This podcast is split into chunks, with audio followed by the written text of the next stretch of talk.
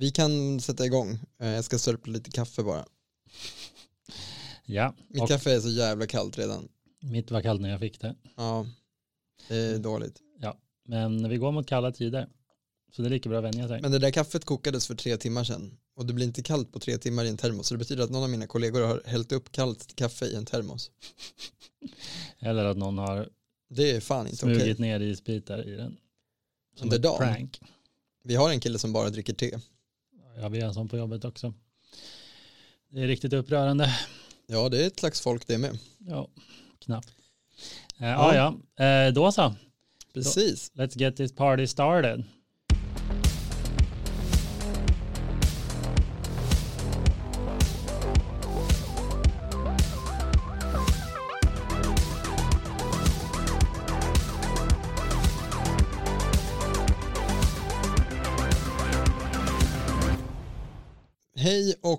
Välkomna till ännu ett och inte vilket som helst avsnitt av På stacken. Precis. Ungefär varannat avsnitt är, det här är inte vilket avsnitt som helst. Och, men då, då, det betyder också att ungefär varannat avsnitt är vilket avsnitt som helst. Vi kanske borde säga det någon gång. Hej och välkommen till vilket avsnitt som helst av På stacken. Det är precis som att alla val är ödesval. Det finns inga val som bara är, det här är bara ett vanligt val. Jag minns precis när det var att det var ett vanligt val. Nej, Det här av, valet avgör allt. Det är det alltid varje gång. Ja. Ja, det är sant. Förutom landstingsvalet. Och kyrkovalet. Ja, Ja, ja. Eh, Men det här avgör allt. Nej, nej men det här är ett speciellt avsnitt på riktigt. ja precis. Vi, eh, precis som du, fyller 30. Ja, exakt. Det här är verkligen, det är treornas år, 30-årnas år menar jag. Eh, För, för det första, så som Edvard sa, så har jag fyllt 30, och så många andra vi känner också. Eh, Och för det andra eh, så fyller Magic 30, Ja, precis. egentligen nästa år. Men de börjar fira nu. Nej, man kan säga att de fyller 30 nu. Kan man? Det är typ, om man räknar 93 som ett av åren som det har funnits, så är det inte helt fel. Det beror lite på hur man räknar. Ja, ja, i alla fall. Här Men om, hade, om de hade varit en människa så hade de fyllt 30 nästa år. Exakt, sant. exakt. Och sen sist men inte minst då så är det här 30 avsnittet. Woo, woo, woo, woo. Tack. ja, så. Ja, vi har ju, vi har så, eh, vi är så jävla redo att fira. Så redo så att vi till och med tänkte bara hugga in, bara skita i checka in. Ja, alltså det kan väl kanske är dubbla anledningar. Vem vet, vi kanske inte har så mycket på gång i våra Magic-liv. Mm. Jag har det i och för sig, Ja, du har inte det. nej, Men jag får ta det nästa avsnitt. ja. Ja, nej men eh, för fan. Det, våran idé eh, är att riva av, eh, vi, har bara snott egentligen Wizards idé om att lyfta fram ett kort från varje år. Japp. Men vi, till skillnad från dem, de, de som inte visste det, så gör Wizards en reprint från varje år, hela, eh, hela då, under deras 30-årsfirande. Så under nästa år Mm. kommer det här göras också och så kommer det släppas, eh, ja men kontinuerligt kommer det släppas eh, promos eh, foilade kort som eh, representerar det året. Jag tror det här första omgången så fick vi en tysk Fyndornelf. Mm. Vi fick en eh, lightning, eh, ball lightning och vi fick Sarah Angel. Just det. Eh, Men till skillnad från dem så är inte vi restriktade av eh, kortens marknadsvärde. Exakt. Det är förstås inte Wizards heller, de tar inte hänsyn till andrahandsmarknaden. nej, det är sant. Det är sant. De, var, de funderade på att trycka om eh, Black Lotus men det blev inget. Det blev för under elves. Ja, det var fem, hugget som stucket. Måste väl vara Sarah Angel i så fall. Ja just det, förlåt. Lotus. Det var, det var här, ja. Ja, ja, Eh, så är det. Vi har bara snott det rakt av. Jag såg också att Goldfish, MTG Goldfish också snodde det rakt av. Alla kanske kommer sno det. Ja, eh, så vi är bara en av många tjuvar, men det gör inte sämre för det. Det är en rolig idé och här är vi. Eh, ja, och vi är också ganska roliga. Ehm, Vi hoppas det. Men då så ska vi bara riva av den jäveln. Jag börjar, sen Edvard, sen jag, sen Edvard och sen kanske en surprise. ja, vem vet, nu har du spoilat den, men Nej, bara lite. bara hintat. Eh, så, så är det. Ni hörde det första här. Eh, och vi börjar med det första sättet som kallas alfa men som egentligen bara heter Magic the Gathering. Upplägget är att vi tar ett kort per år. Eh, Och det första av Magics år, 93, eh, så släpptes ju då första, andra och tredje utgåvan, det som idag kallas alfa, beta och unlimited. Men de hann också klämma in den första expansionen, Arabian Nights. Ja, Så det var ändå ett ganska ganska matigt år. Men då ska man ju betona att Alpha, Beta och Unlimited var ju verkligen ungefär samma kort. Ja. Bara att de tryckte mer. När, när bor Revised i det här? Eh, Det kom eh, efter. Eh, Det kom var, 94. Ja. Japp, japp. Nej, det var alltså, vad ska man börja? Alltså, ikoniskt är ju, alltså det är ju lite, vad ska man än säga? Det är, det är ordet är nästan för litet. På sätt och vis borde vi tagit det här året sist, alltså börjat från andra änden. Men nu blev det inte så. Nej. Nej, och så vi började rätt, rätt med det fetaste. Och ja, Magic föddes och resten är historia. Och vad väljer man för kort från det här sättet? Ja, alltså det, är, det enda rimliga är ju någonting från Power 9. Eh, jag var sugen på att kasta in Shivan Dragon istället eh, och eh, det tycker jag finns goda anledningar till. En av dem, jag måste ändå säga det, är att jag fick den helt otroligt generösa födelsedagspresenten, en foilad 7th edition Shivan Dragon av Edvard och en bra massa andra goa Eskilstuna-bor, kompisar och stammisar på butiken va? Ja, precis. Varav vissa inte ens bor i Eskilstuna. Nej, så att det. inte de känner sig glömda. Nej, bra, tack, tack. Eh, exakt, Edvard lyckades skramla ihop eh, en considerable sum för att eh, införskaffa ett kort som jag har drömt om väldigt länge. Eh, så det är väldigt rörande. Och det var ju då som jag sa, Shivan Dragon från 7th edition foils. Så ja, wow, tack igen. jag kan alltid plocka fram den då om jag är lite nere om dagarna. Ja, just den versionen av kortet trycktes inte 93. Nej, det finns exakt. kort bara- från 93 också. De är fan ännu dyrare än den där Ja, foilade. det stämmer. Jag var bara tvungen att nämna det. Och jag tycker Shivan Dragon hade varit ett helt legitimt val för att drakar, fantasy, det är den som många dras till när de börjar, de vill se något coolt. Men, igen, men själv, i själva verket så det som vi alla dras till nu är ju blott en blomma förstås. Och det första kortet vi väljer är givetvis Black Lotus. Såklart. Eh, såklart, det fanns ingen väg runt det. Eh, och Black Lotus, alla känner till den. Det kändaste kortet, det dyraste kortet eh, och en av de bästa korten. Eh, till slut i alla fall, på 20-talet så kom Lurrus och bröt Black Lotus. Eller hur? va? Ett, Det ett är det den är känd för, att den bröt nyss. det här kortet som annars var fine. ja. Nej då, men ja, det finns så mycket att säga och samtidigt så lite, allt har sagts, men eh, det är det där, det kändaste dyraste kortet, Black Lotus, noll mana för en artefakt eller en mono-artefakt om man så vill, som tappas och offras för tre mana av vilken färg som helst. Eh, Och eh, ja, varför har den blivit så ikonisk tror du? Uh, nej men det är två anledningar. Den första anledningen är väldigt enkel tror jag. Det är att kortets, eh, kortet är så brutet på ett så enkelt sätt att det finns aldrig någon anledning att inte spela fyra oavsett vad du håller på med. Mm. Alltså det finns liksom, vad jag vet i alla fall, om någon får gärna rätta mig om jag har fel, men jag vet inga däck, alltså inga listor som inte skulle spela fyra om de inte kunde. Mm.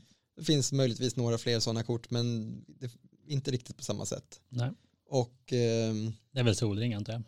Ja men skulle, ja kanske, den kanske är sann, men jag vet inte om den är lika sann som Black Lotus i Constructed. Alltså när vi Nej. pratar typ kub så kan man ju argumentera för att Solring är bättre än, än Black Mm. Lotus, det beror lite på lek. Mm.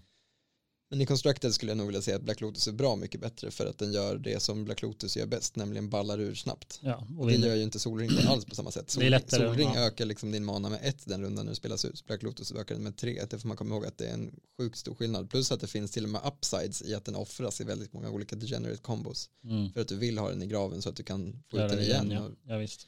Ja, nej men det kombinerat med den extremt sparsamma tillgången på kortet har väl gjort det så himla, alltså den är inte ovanligare än andra kort från den tiden, Nej. men den är så pass mycket mer så här av en auto-include som ett playset eller ett one-off i alla sammanhang där den får vara med, Mm. att alla som finns kommer alltid vara attraktiva.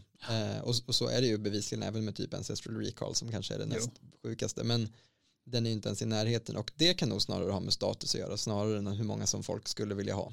Verkligen. Jag tror också att det bara i den här typen av spel, alltså samlarspel, så måste någonting bli den heliga graalen. Alltså det är bara så mäns- människans kultur funkar. Vi alla vill veta vad är bäst, vad är, Mm. vad är dyrast, för den vill jag ha. Alltså det är så folk, folk funkar bara. Eh, och, och någonting måste det bli. Och den här tror jag, anledningen, en annan till anledning att det blev just den, är för att den är inte en del av en cycle. För att moxarna är ju en av fem. Alltså det är Ja. fem, de är likadana. Så då istället för att prata om hur bra de är så hamnar man i diskussion om vilken som är bäst av dem eller Ja, kanske. Men de känns mindre speciella eftersom att det finns fyra till då, liknande. Ja. Eh, och det andra är ju att namnet är väldigt elegant och snyggt. Alltså det finns ingen slump att snygga sportbilar heter Lotus liksom. nej, så är det. Och också att bilden är också väldigt fin. Framförallt för att vara ett gammalt kort. Ja. Många av dem har ju extremt eh, usel art. Ja, verkligen. Och sen tror jag till och med att en sista sak för så innan vi kan gå vidare är nog att den, eh, att det är någonting väldigt roligt med att en blomma är dyrast. Jag tror att det nästan är, jag tror att eh, det är lite, ja, det är på ett sätt konstigt och därför inte konstigt. Alltså så här för att det är bara en blomma, du vet. Det är någonting, folk tror att människor i allmänhet uppskattar någonting när det som man minst anar, eller det som känns minst hotfullt och minst farligt är också det mäktigaste. Eh, som jag sa, Mm. Shivan Dragon eh, var ju dyrare än Lotus säkert när folk började spela. För att det är så självklart att den stora draken är coolast. Och så blev det också i Pokémon. Charizard är ju dyrast där. Eh, så det skulle lika gärna kunna vara så i Magic. Men det blev istället bara en liten blomma och jag tror det är en liten del av storyn. Ja, ja men verkligen. Mm, fint. Eh, Ja, men det är väl en ganska bra, eller så här, det är ju det det inte är. Det är inte en bra summering av 1993 för att det går inte, det är ett eget avsnitt i sig Ja. eller kanske en egen, en egen säsong. ja. Men eh, det som är är att om man ska hinna gå igenom alla de här 30 olika årtalen så behöver vi eh, ge oss av då. mm, det gör vi. Eh, Men för att förtydliga också då, eh, vi kommer alltså välja ut ett kort från varje år som vi eh, tycker eh, sticker ut eller som sticker ut för oss bland många kort som sticker ut. Eh, Du hade skrivit upp några andra honorable mentions här och många andra har redan blivit sagda. Mm. Eh, Så vi kommer fortsätta på det temat. Att vi, Japp. Och det är ju vi som väljer va? Så det är inte det bästa kortet. Nu var det det. Men det kommer det inte alltid vara. Eh, och det kommer inte alltid vara det mest ikoniska heller. Det kommer ofta vara det bästa dock för att det ofta är det som är det mest ikoniska och det som man själv har mest relation till. Men du har Mm. helt rätt. Men det måste inte vara. Vi får välja vad vi vill. Japp, yes, nästa, 94. Borde vi ha någon slags så här, är det någon av våra roliga ljud som, som passade i övergången? Ja, ja, det är så jävla obnoxious dock. Ska, ska vi? Ska vi? Eller finns det någon bättre? Ja, det är också bra. Det är riktigt bra. 1994 så har vi fått sett en Antiquities Legends, The Dark och eh, Fallen Empires. Och egentligen revised också då. Mm. Ehm, det var, det hände mycket i Magic här kan man säga. Alltså om du tänker liksom vad som fanns innan. Eh, man skulle kunna säga att förutom första året så var det här förmodligen det året som Magic förändrades mest Mm. kanske. Vem vet? Inte jag, för då var jag blott eh, fem år gammal och hade inte rört mitt första Magic-korten. Eh, två år senare däremot hade jag full koll på allt. Ehm, ja, här finns det mycket kort att välja på, kände jag, när jag kikade runt. Eh, det här är också ett tillfälle där man fick, jag fick fått väldigt mycket användning av svenska Magics kortpärmen, ska jag erkänna. Yes. Eh, och sen får man inte råka fastna i deras tre väldigt ofta konstiga utvalda kort från varje sätt som inte Tre alltid kända stämmer. kort, ja. Nej, det är inte alltid de är helt eh, relevanta. Nej. Ehm, men ja, jag noterade att nästan alla kort som mitt öga stannade vid från hela det här året var olika stacks pieces. Alla andra kort verkar vara helt bedrövliga. Ehm, Ja, det, Fallen, alltså, det är riktigt shit där, framförallt Fallen Empires. Ja, Fallen Empires är shit, Legends är egentligen otroligt shit, måste väl i sammanhanget och säkert ha varit helt okej. Antiquities var nog ett ganska starkt sätt jämfört med de andra. Japp. Så, eh, jag fick välja, jag kikade lite på Moat, Mm. gubbar utan flying kan inte slåss. Mm. Jag kikade lite på Blood Moon, men den har vi pratat om en del förut, det är ett kort vi återkommer till. Ett eh, kort som har upprört många. Det är Eh, sant. Jag fastnade istället vid Strip Mine, Mm. ett riktigt härligt kort då, eh, från Antiquities. Japp. Eh, ja, nej, men vad gör det här? Det, det är egentligen ett väldigt enkelt kort. Alltså man, kan först, Väldigt. man kan förstå att de kanske inte helt förstod hur brutet det här kortet var. Alltså på samma sätt som att i ett vakuum kanske till och med Black Lotus kan se rimlig ut när ingen någonsin ens har spelat det här spelet utan bara några kompisar sitter och leker. Mm. Eh, Strip Mine är nog också ett sånt kort. När man tittar på det, ett land som tar bort ett annat land. Vad Mm. kan gå fel? Precis, Den tappas ju dessutom inte ens för färgad mana. Nej, exakt. Och så visar det sig att ja, men om du själv spelar en lek som inte bryr sig så mycket om vilken mana den har tillgång till medan motståndaren gör det så blir den bara redan där väldigt bra för att du kan stänga dem ute från en färg. Och Manlands var väldigt starka på den här tiden. Eh, eller för länge sedan. Inte, inte riktigt här men framöver skulle de komma att bli. Strip, Factory, ja. ja, Stripmine har ju liksom kommit att bli, tror jag med tiden, ett sjukare och sjukare kort för att länderna är en så viktig del av spelet. Att om du har ett land som hanterar motståndarens välvalda land Mm. så blir det ofta väldigt bra. Japp. Hade den varit legal i något av formaten som vi spelar så hade den garanterat spelats tror jag i ett, i, alltså fyra, i, Ja, i ja, nästan alla, om inte alla, nästan alla lekar. Kanske Och- inte femfärgade möjligtvis. Och kanske inte konstiga kombolekar som inte bryr sig om vad motståndaren håller på med. Men i alla lekar som på något sätt interagerar med motståndaren så hade du velat spela fyra. Det är bara att kolla på hur mycket Wasteland spelas i eh, Legacy. Eh. Så får man en ganska bra bild av hur mycket, jag tror Stripmine skulle spelas om det gick. Ja, Men, eh, exakt. Tack och lov så går inte det, det tror jag säga då. Det får bara spelas i Commander och Vintage.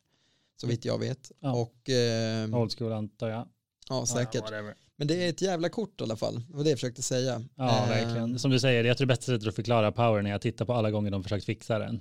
Alltså de försöker göra en, en balanserad version. För idén är ju självklart, ett land som bara är ett land, självklart, gjutet. Mm. Så de försökte, strip, de försökte med Wasteland, det var för bra. Eh, sen så försökte de eh, igen med Dust Bowl långt senare. Den är också riktigt bra. Ja, den är förmodligen inte för bra. Det är en av de som inte. funkar. Mm, den är trevlig. Eh, och sen på i modern tid har de försökt med Ghost Quarter och Tectonic Edge. Och, Alla har spelats. ja, Inte, vi, det finns någon minns jag som Encroaching Waste, så heter den. Kommer, kommer du ihåg den? nej. Fyra mana tappa, sacka, förstöra non-basic. Så Wasteland var fyra, det är inte värt det. Ja, det låter inte så jävla bra. Men så var det Ehm. stripline alltså.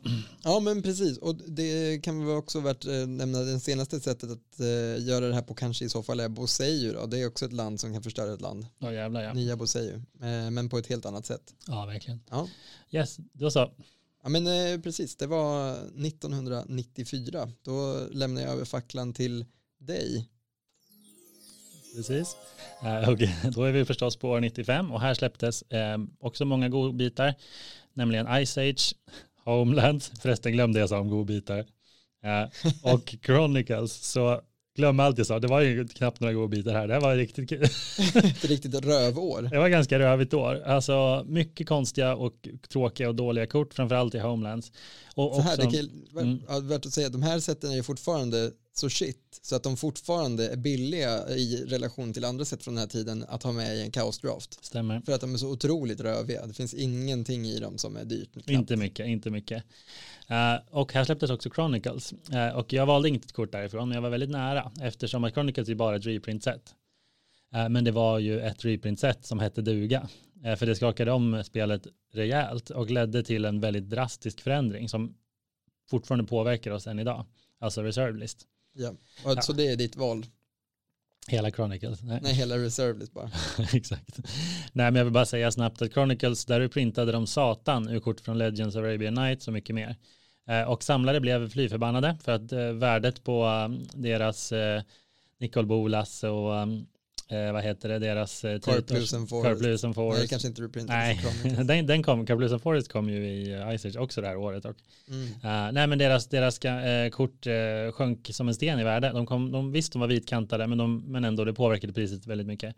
Och Wizards fick panik för de ville inte förlora sin kärn-audience, sin core-audience. Så de valde att lösa det på det här sättet då genom att skapa the reserve list.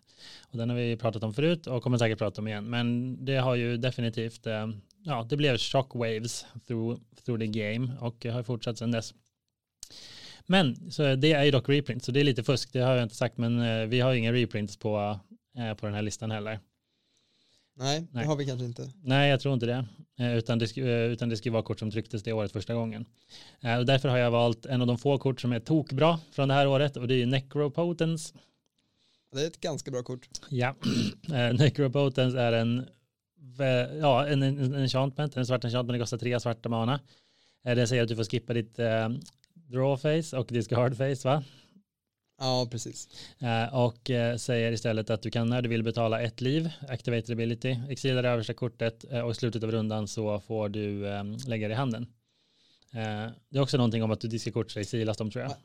För att verkligen förenkla det kan man säga, du kan inte längre dra kort, du kan inte längre diska kort för då exilas de. Jag Ja. tror, Så är det. men du kan betala ett liv för att få dra ett kort i slutet på din runda, eller tekniskt sett få lägga ett kort i handen i slutet av din runda från toppen av leken. Japp, eh, och det visade sig att ett liv för ett kort är en jättebra deal. Ja, det är en dålig cur, vet du det, exchange rate för eh, Wizards eller för Ja. spelet. Det visade sig att det här var helt otroligt bra. Det här var också en av de första korten som bannades vet jag. Eh, det var ändå ganska tidigt i med turneringsmagic. Eh, det var en, en period, alldeles för lång period minns jag. Inte för att jag var där, men för att jag har läst det. Där den här var legal. Och den spelades ju väldigt flitigt. Det kan ju varit ganska bra till- exempel med Dark Ritual kan jag Japp. tänka mig. Japp, Dark Ritual är ett jävla kort som har möjliggjort mycket dumheter och det här är en av dem. Så ja, allt som allt, Necropotence-lekarna, de gjorde orättvisa grejer. De fick aldrig slut på kort. De ballade ur totalt. Eh, och eh, det lärde oss eh, en viktig läxa om Magic, nämligen att liv är en resurs. Eh, och om det är en tillräckligt bra deal så är det otroligt brutet att byta liv mot tempo och kortövertag. Ja, verkligen. Ja, men till exempel i det här fallet kan man ju leka med tanken att någon runda ett då trycker ut en sån här med en Dark Ritual och en Swamp. Du har gått ner till fyra kort på handen. du betalar redan då kanske, ja men säg fem eller tio liv för din motståndare kommer inte döda dig på runda ett. Nej. Drar fem eller tio kort, visst du måste slänga en del av dem men du kommer börja nästa runda med typ perfekt sjua, Mm. halva livet. Men vem bryr sig för du fortsätter med samma sak tills du vinner. Japp, och du spelar ju garanterat massa billiga kort och massa manaramp och så vidare, alltså manastenar. Ja. Ja. Helt otroligt bra. En till anledning att jag valde den, förutom då att den är en så, det var, den skakade om med turneringsstenen på ett sätt som inget annat eh, och den eh, är som sagt väldigt klassisk. Den är också, igen lärde oss en viktig läxa om vad som är brutet i Magic innan folk hade förstått. Eh, och för det sista så tycker jag bara att namnet och bilden är så otroligt coola. Ja, originalbilden är sjukt cool. ja, Jävla är, dödskalle Rushkana eller vad fan det ska föreställa. ja, väldigt metal och ett väldigt coolt namn också. Alltså Necropotence. Ja, man hör ju, det, det är ju det är ett under att det inte finns någon death metal band som heter så. Om det inte gör det, det gör det förmodligen. Annars är det, vet du vad, Vad du, behöver, ja, eller vad du behöver få någon annan att göra i alla fall. Japp. Ja, är det 1995, ett jävla bra år. Eh, Jag också har av någon anledning ett minne av eh, att jag tidigare någon gång i mitt liv har tänkt att de flesta som är födda 1995 är sjuka jävlar. Mm. stabilt folk. De Mm, mm, mm. levererar. Mm. Jag vet Så inte om jag har fått någon anledning att eh, förstärka den uppfattningen, men den lever kvar i mitt minne. De fördes i Necrons år. De föddes i Necrons år, Vidare. kanske i en Sulfur Spring. Just det. 1996 föddes inte bara eh, premodern, ja eller formatet är sprunget ur det, Ja. det året då, utan eh, också tre fantastiska, nej förlåt, två fantastiska releaser.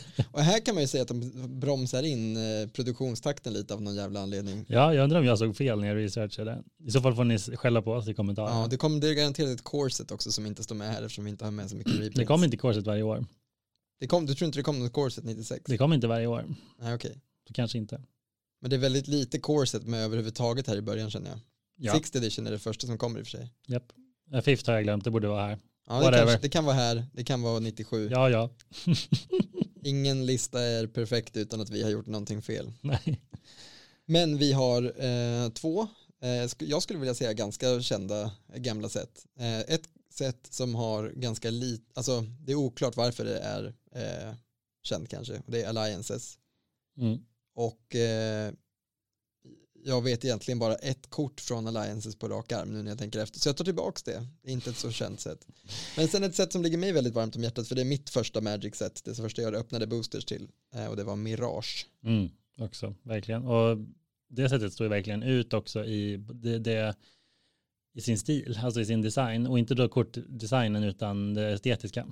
Ja men verkligen. De, de, de, det är ett väldigt snyggt sätt. Eh, alltså väldigt snygg artwork. Väldigt speciellt att de har liksom placerat det på då den här eh, Afrika-inspirerade ön i Dominaria som heter typ Salfir eller något sånt, eller hur? Jamura trodde jag. Ja, Jamura kanske det är. Mm. Ja, precis. Det är kanske, de hänger ihop på något sätt. Vem fan vet. Ehm, och ja, det, det är bara eh, så coolt. Eh, och eh, jävligt mycket mörker i arten. Alltså väldigt mycket mörk, alltså hemskheter. Mm. Jag ska försöka hitta och lägga upp någon gång i vårt feed. Mm. Eh, men, men Mirage var ett jävla, jävla sätt ärligt talat. Mm. Väldigt, eh, ja men ändå ganska stabil power level också om man jämför med alla andra sätt vi har gått igenom hittills. Här började det hända någonting med designen på sätten på alla möjliga vis. Alltså att det var mycket, mycket jämnare power level. En högre power level generellt också på de sämsta korten. Inte jämfört med idag, men jämfört med den tidens kort när det fanns så jävla mycket som bara var rent jävla rövbös. Ja. Men Mirage är liksom lite mer befriat från det. ja, men det vill jag tro. Eh, jag tänker typ stabila gubbar som Sukata Lancer till exempel, en 2-2 3 för 3 med fly, eh, flanking. Mm. Bara Simpelt. stabilt. Visst. Bra kort. Mm. Ja, det Eh. finns lite bra kort därifrån. Det finns ett kort som har spikat satan därifrån sista tiden. Seeds of Innocence. Den är från Mirage. Är det det här som eh, preventar, Nej, den förstör alla artefakter för tre. Men man Okej. får liv för totala mana value. Ja, för alla artefakternas mala value? Ja, men det Ja. visar sig i legacy att man bryr sig inte. Alltså det är mest Karnstruck som man vill paja och då får de ändå inget. Men man använder den bara för att få paja Constructen för tre mana. Nej, inte bara. Men Den- om det inte vore för Ursa Saga så hade den ju inte spelats, det tror jag inte. Den är väldigt bra mot den här ganska toppmetaleken, vad fan heter den? Eh, med, med 8K, 8cast heter den va? Ja, också bra mot Painter Servant. Tjofs. Mot 8cast får du också en jävla massa liv för alla de artefakterna kostar satan på grund av. Affinity. Ja, men ändå värt det. Ja, Ah, okej. ja. Mm. Ja, men eh, jag hade inte tänkt välja det kortet Nej. uppenbarligen eftersom jag inte visste att det fanns alldeles nyss. Mm. Eh, och jag hade faktiskt inte ens tänkt välja ett kort från Mirage. Nej. Jag skrev upp här på Honorable Mentions med Lions Eye Diamond som var ett av försöken att fixa Black Lotus.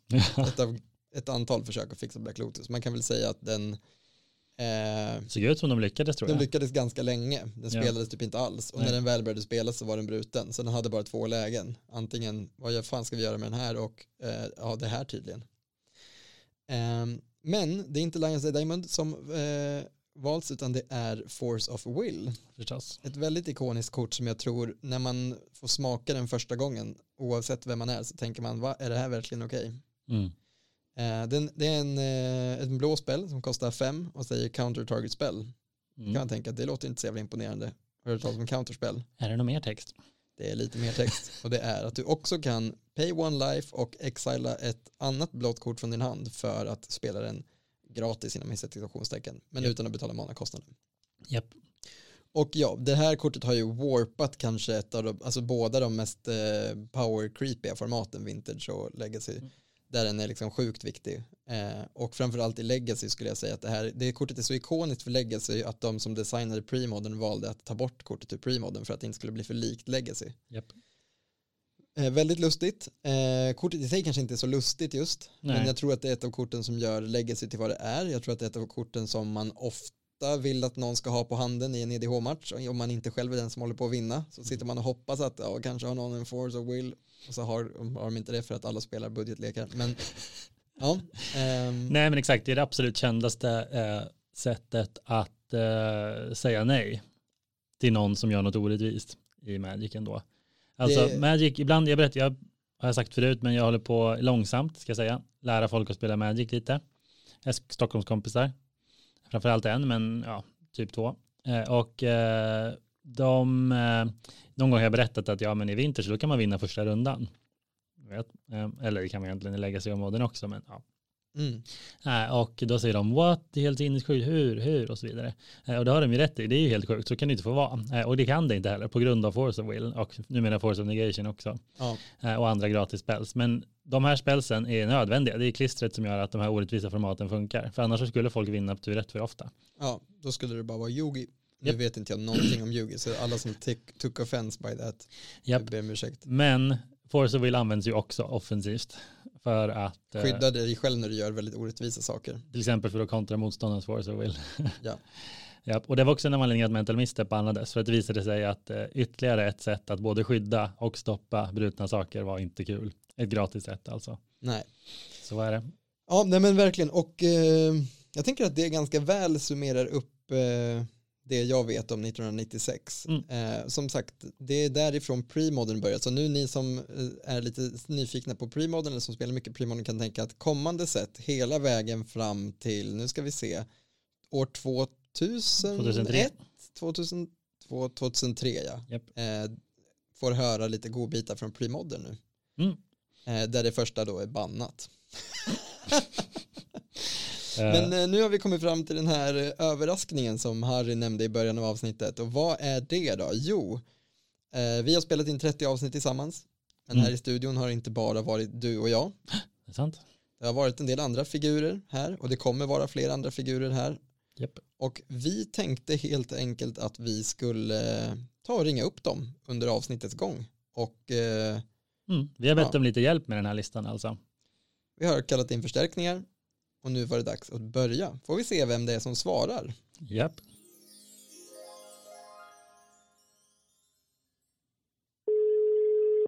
Spännande. Minst sagt. Hallå? Är det Georg? Det är Georg du pratar med. alltså. Ja, välkommen tillbaka till På stacken. Vänt, inte det din brorsa? Och det är det faktiskt. Fan vad sjukt. Vad är oddsen? Att det kunde varit vem som helst och så var det min bror. Eh, ni som eh, trogna lyssnare till podden kommer ju ihåg att vi hade ett avsnitt om premodern för väldigt länge sedan nu, säkert 20 avsnitt sedan.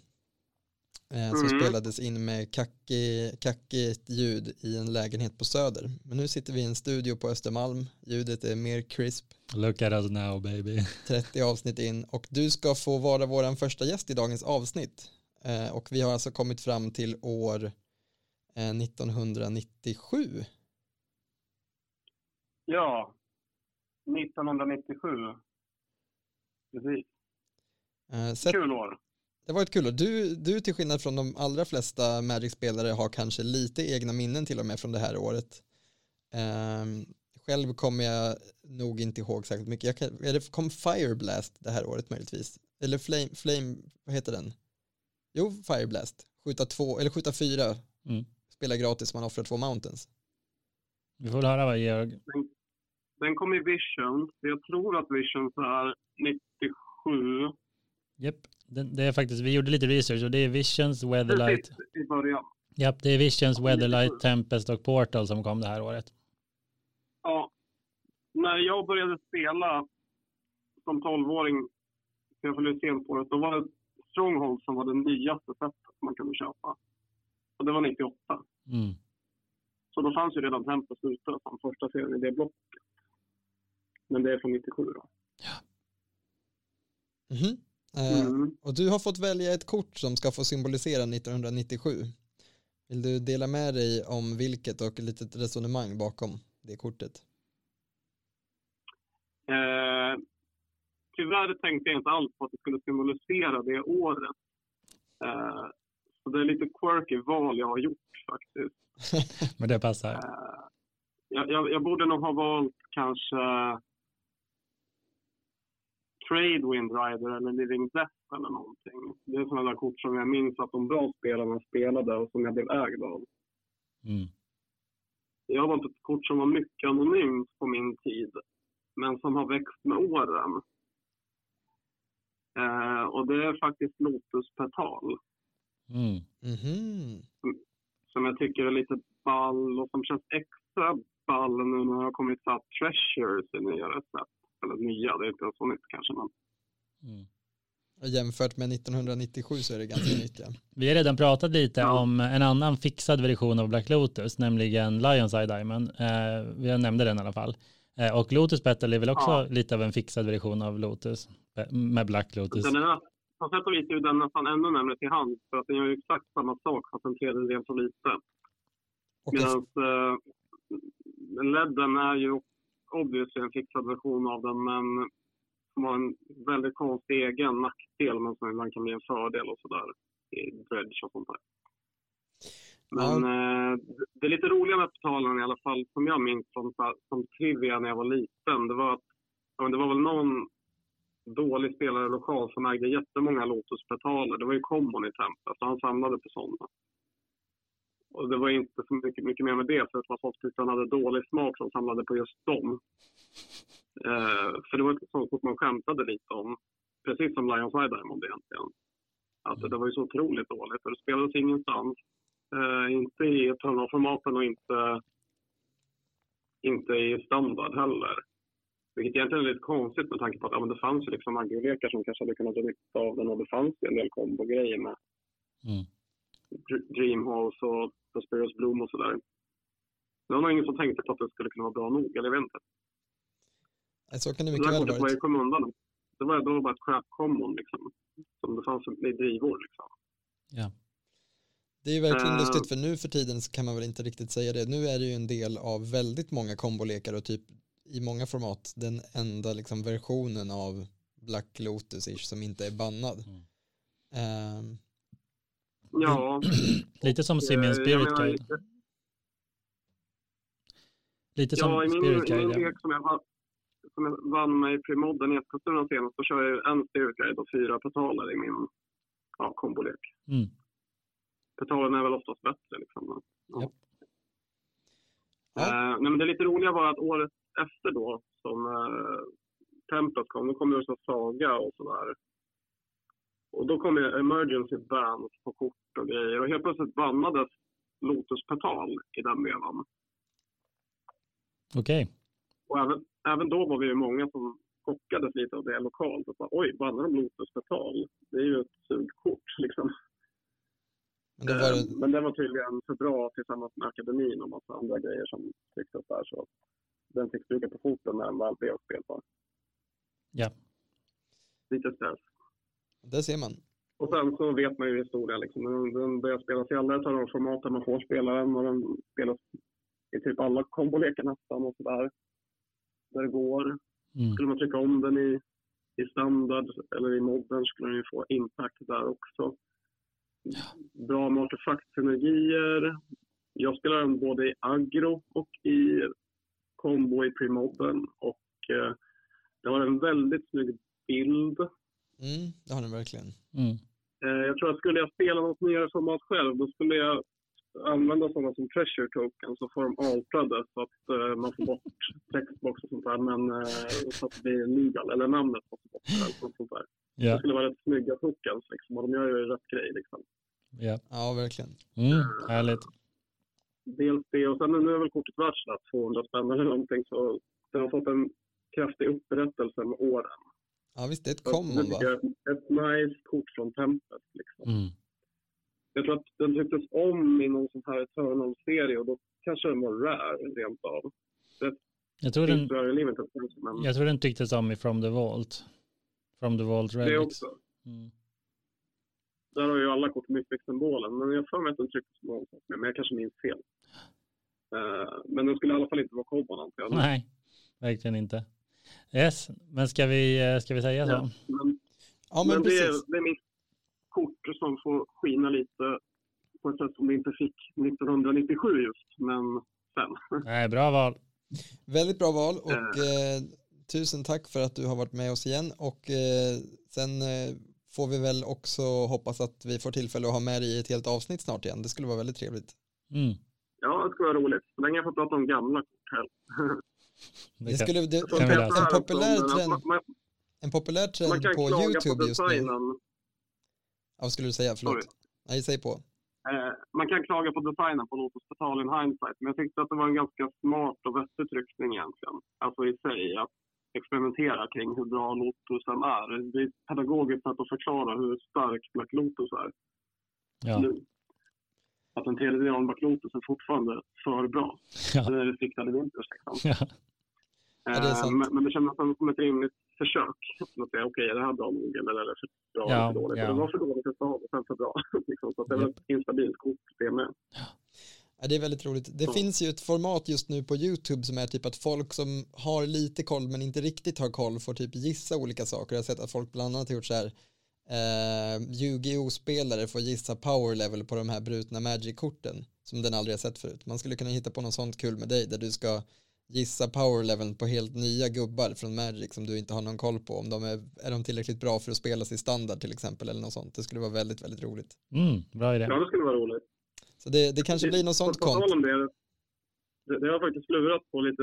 Jag har ju, det var en del kort i, jag, jag spelade Doom Trooper innan jag spelade Magic och då fanns det ju ett specialkort, alltså sådana som man kan spela när som helst och som inte kostar något att spela ut. Som gjorde att alla spelare får dra tills de har sju kort på handen. Eh, men i det spelet får man ju alltid i början av sin tur dra tills man har sju kort på handen. Jag Mm. trodde inte det kortet var bra, men det var tydligen värt massa pengar. Det var tydligen ändå för bra. Och när man har spelat Magic kan man ju förstå varför. Så fall. Så att bara in på 37 igen. Bara så. Ja, det verkar rätt Och så stabilt. påverkar alla spelare. Så som noob så tänkte jag att nej, men det här är ju kiss. Liksom. Ja. Nej, Time Twister och Wheel of Fortune är bra så. Ja. full, Ja. full tank tror jag hette. Det var Full, ja, full tank. Ja, Mm. men, eh, Med de orden. Precis, med de orden så Med går de vi vidare och eh, tackar så jättemycket. Japp.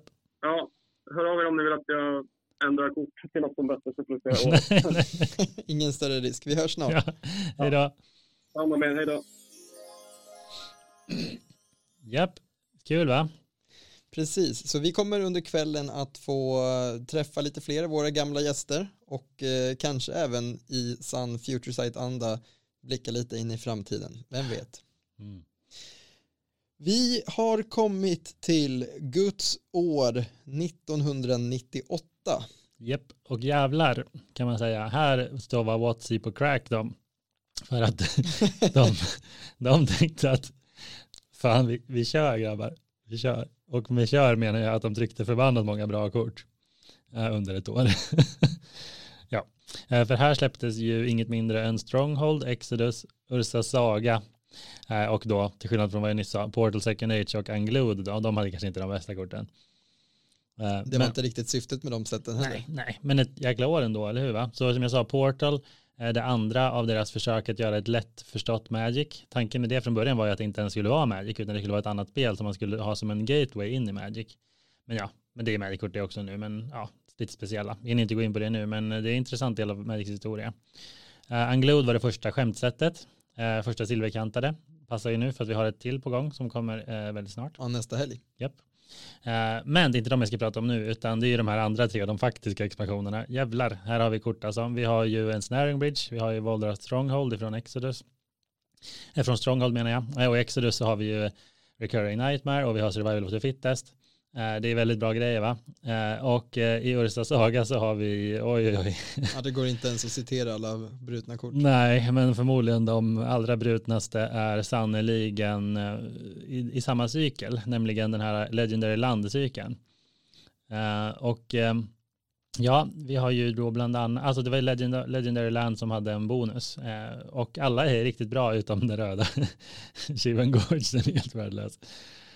Ja. ja. vad fan hände där? ja, du vet vad den gör va? Ja, visst, den, nej, den är riktigt dålig. Ja, väldigt dålig. Eh, men annars är de ju toppen. Framför allt två av dem. Och det är ju eh, Gaia's Cradle, det dyraste, förmodligen det dyraste, mest eftertraktade Commander-kortet. Eh, visst kan man nästan säga. Ett av dem i alla fall. Alltså det som man verkligen, det gör leken bara bättre. Anledningen att du inte har det, din lek är oftast att du inte har råd. Så är det ofta. Japp. Eh, och sen då Tolarian Academy som är minst lika bra. Den tappas för den blå ju för varje artefakt och den är så bra så att den är bannad i stort sett överallt. Med, till skillnad från Cradle då. Mm. Academy är till och med bannad i EDH. Och det ska Ja. vi vara glada för. Annars hade den också varit väldigt dyr tror jag. Ja. Men, vet ni vad jag, jag tänker kasta en curveball. För jag tänker så här, ah, bara välja ut det brutnaste kortet, inte kul. Bättre att välja ett kort som känns splashy, som känns roligt och som känns som att det gjorde någonting väldigt nytt eh, eh, för sin tid. Eh, Mm. Och något som fortfarande är aktuellt och liksom, ja men en viktig del av spelet. Eh, och, det, och då tänkte jag nämligen eh, välja Sliver Queen från Stronghold. Så, vad har vi här då? Jo, vi har en, jag vill säga att det var den första femfärgade legenden. Det är, det är bara på känn alltså. Ni får skälla ut på oss i kommentarerna. Men det var åtminstone en av de första. Kanske den allra första. Men i alla fall, den kostar så fem, en av varje färg. Hur coolt är inte det? Måste man ju tänkt när man var en liten parvel. Eh, och jävlar alltså, den är ju bra också. Och sjukt nog så är den fortfarande bra. Alltså Creatures var inte bra på den här tiden. Vad hände? Det är Ja, alltså en 7-7 för fem. Förvisso för en av varje, men ändå. Som har två generic som en activated ability för att göra en 1 sliver token. Ja. Eh, Och det här var ju då sättet när Slivers kom. En otroligt älskad creature type. Också när man att jag valde den. Ja, verkligen. Eh, Slivers är ju då de här, ja vad ska man säga, lite eh, blandning av ormar och insekter, lite weird. Eh, weird creatures eh, Ja. som lever i som ett hive mind att de alltid stärker varandra. Och det har varit deras grej från då tills nu.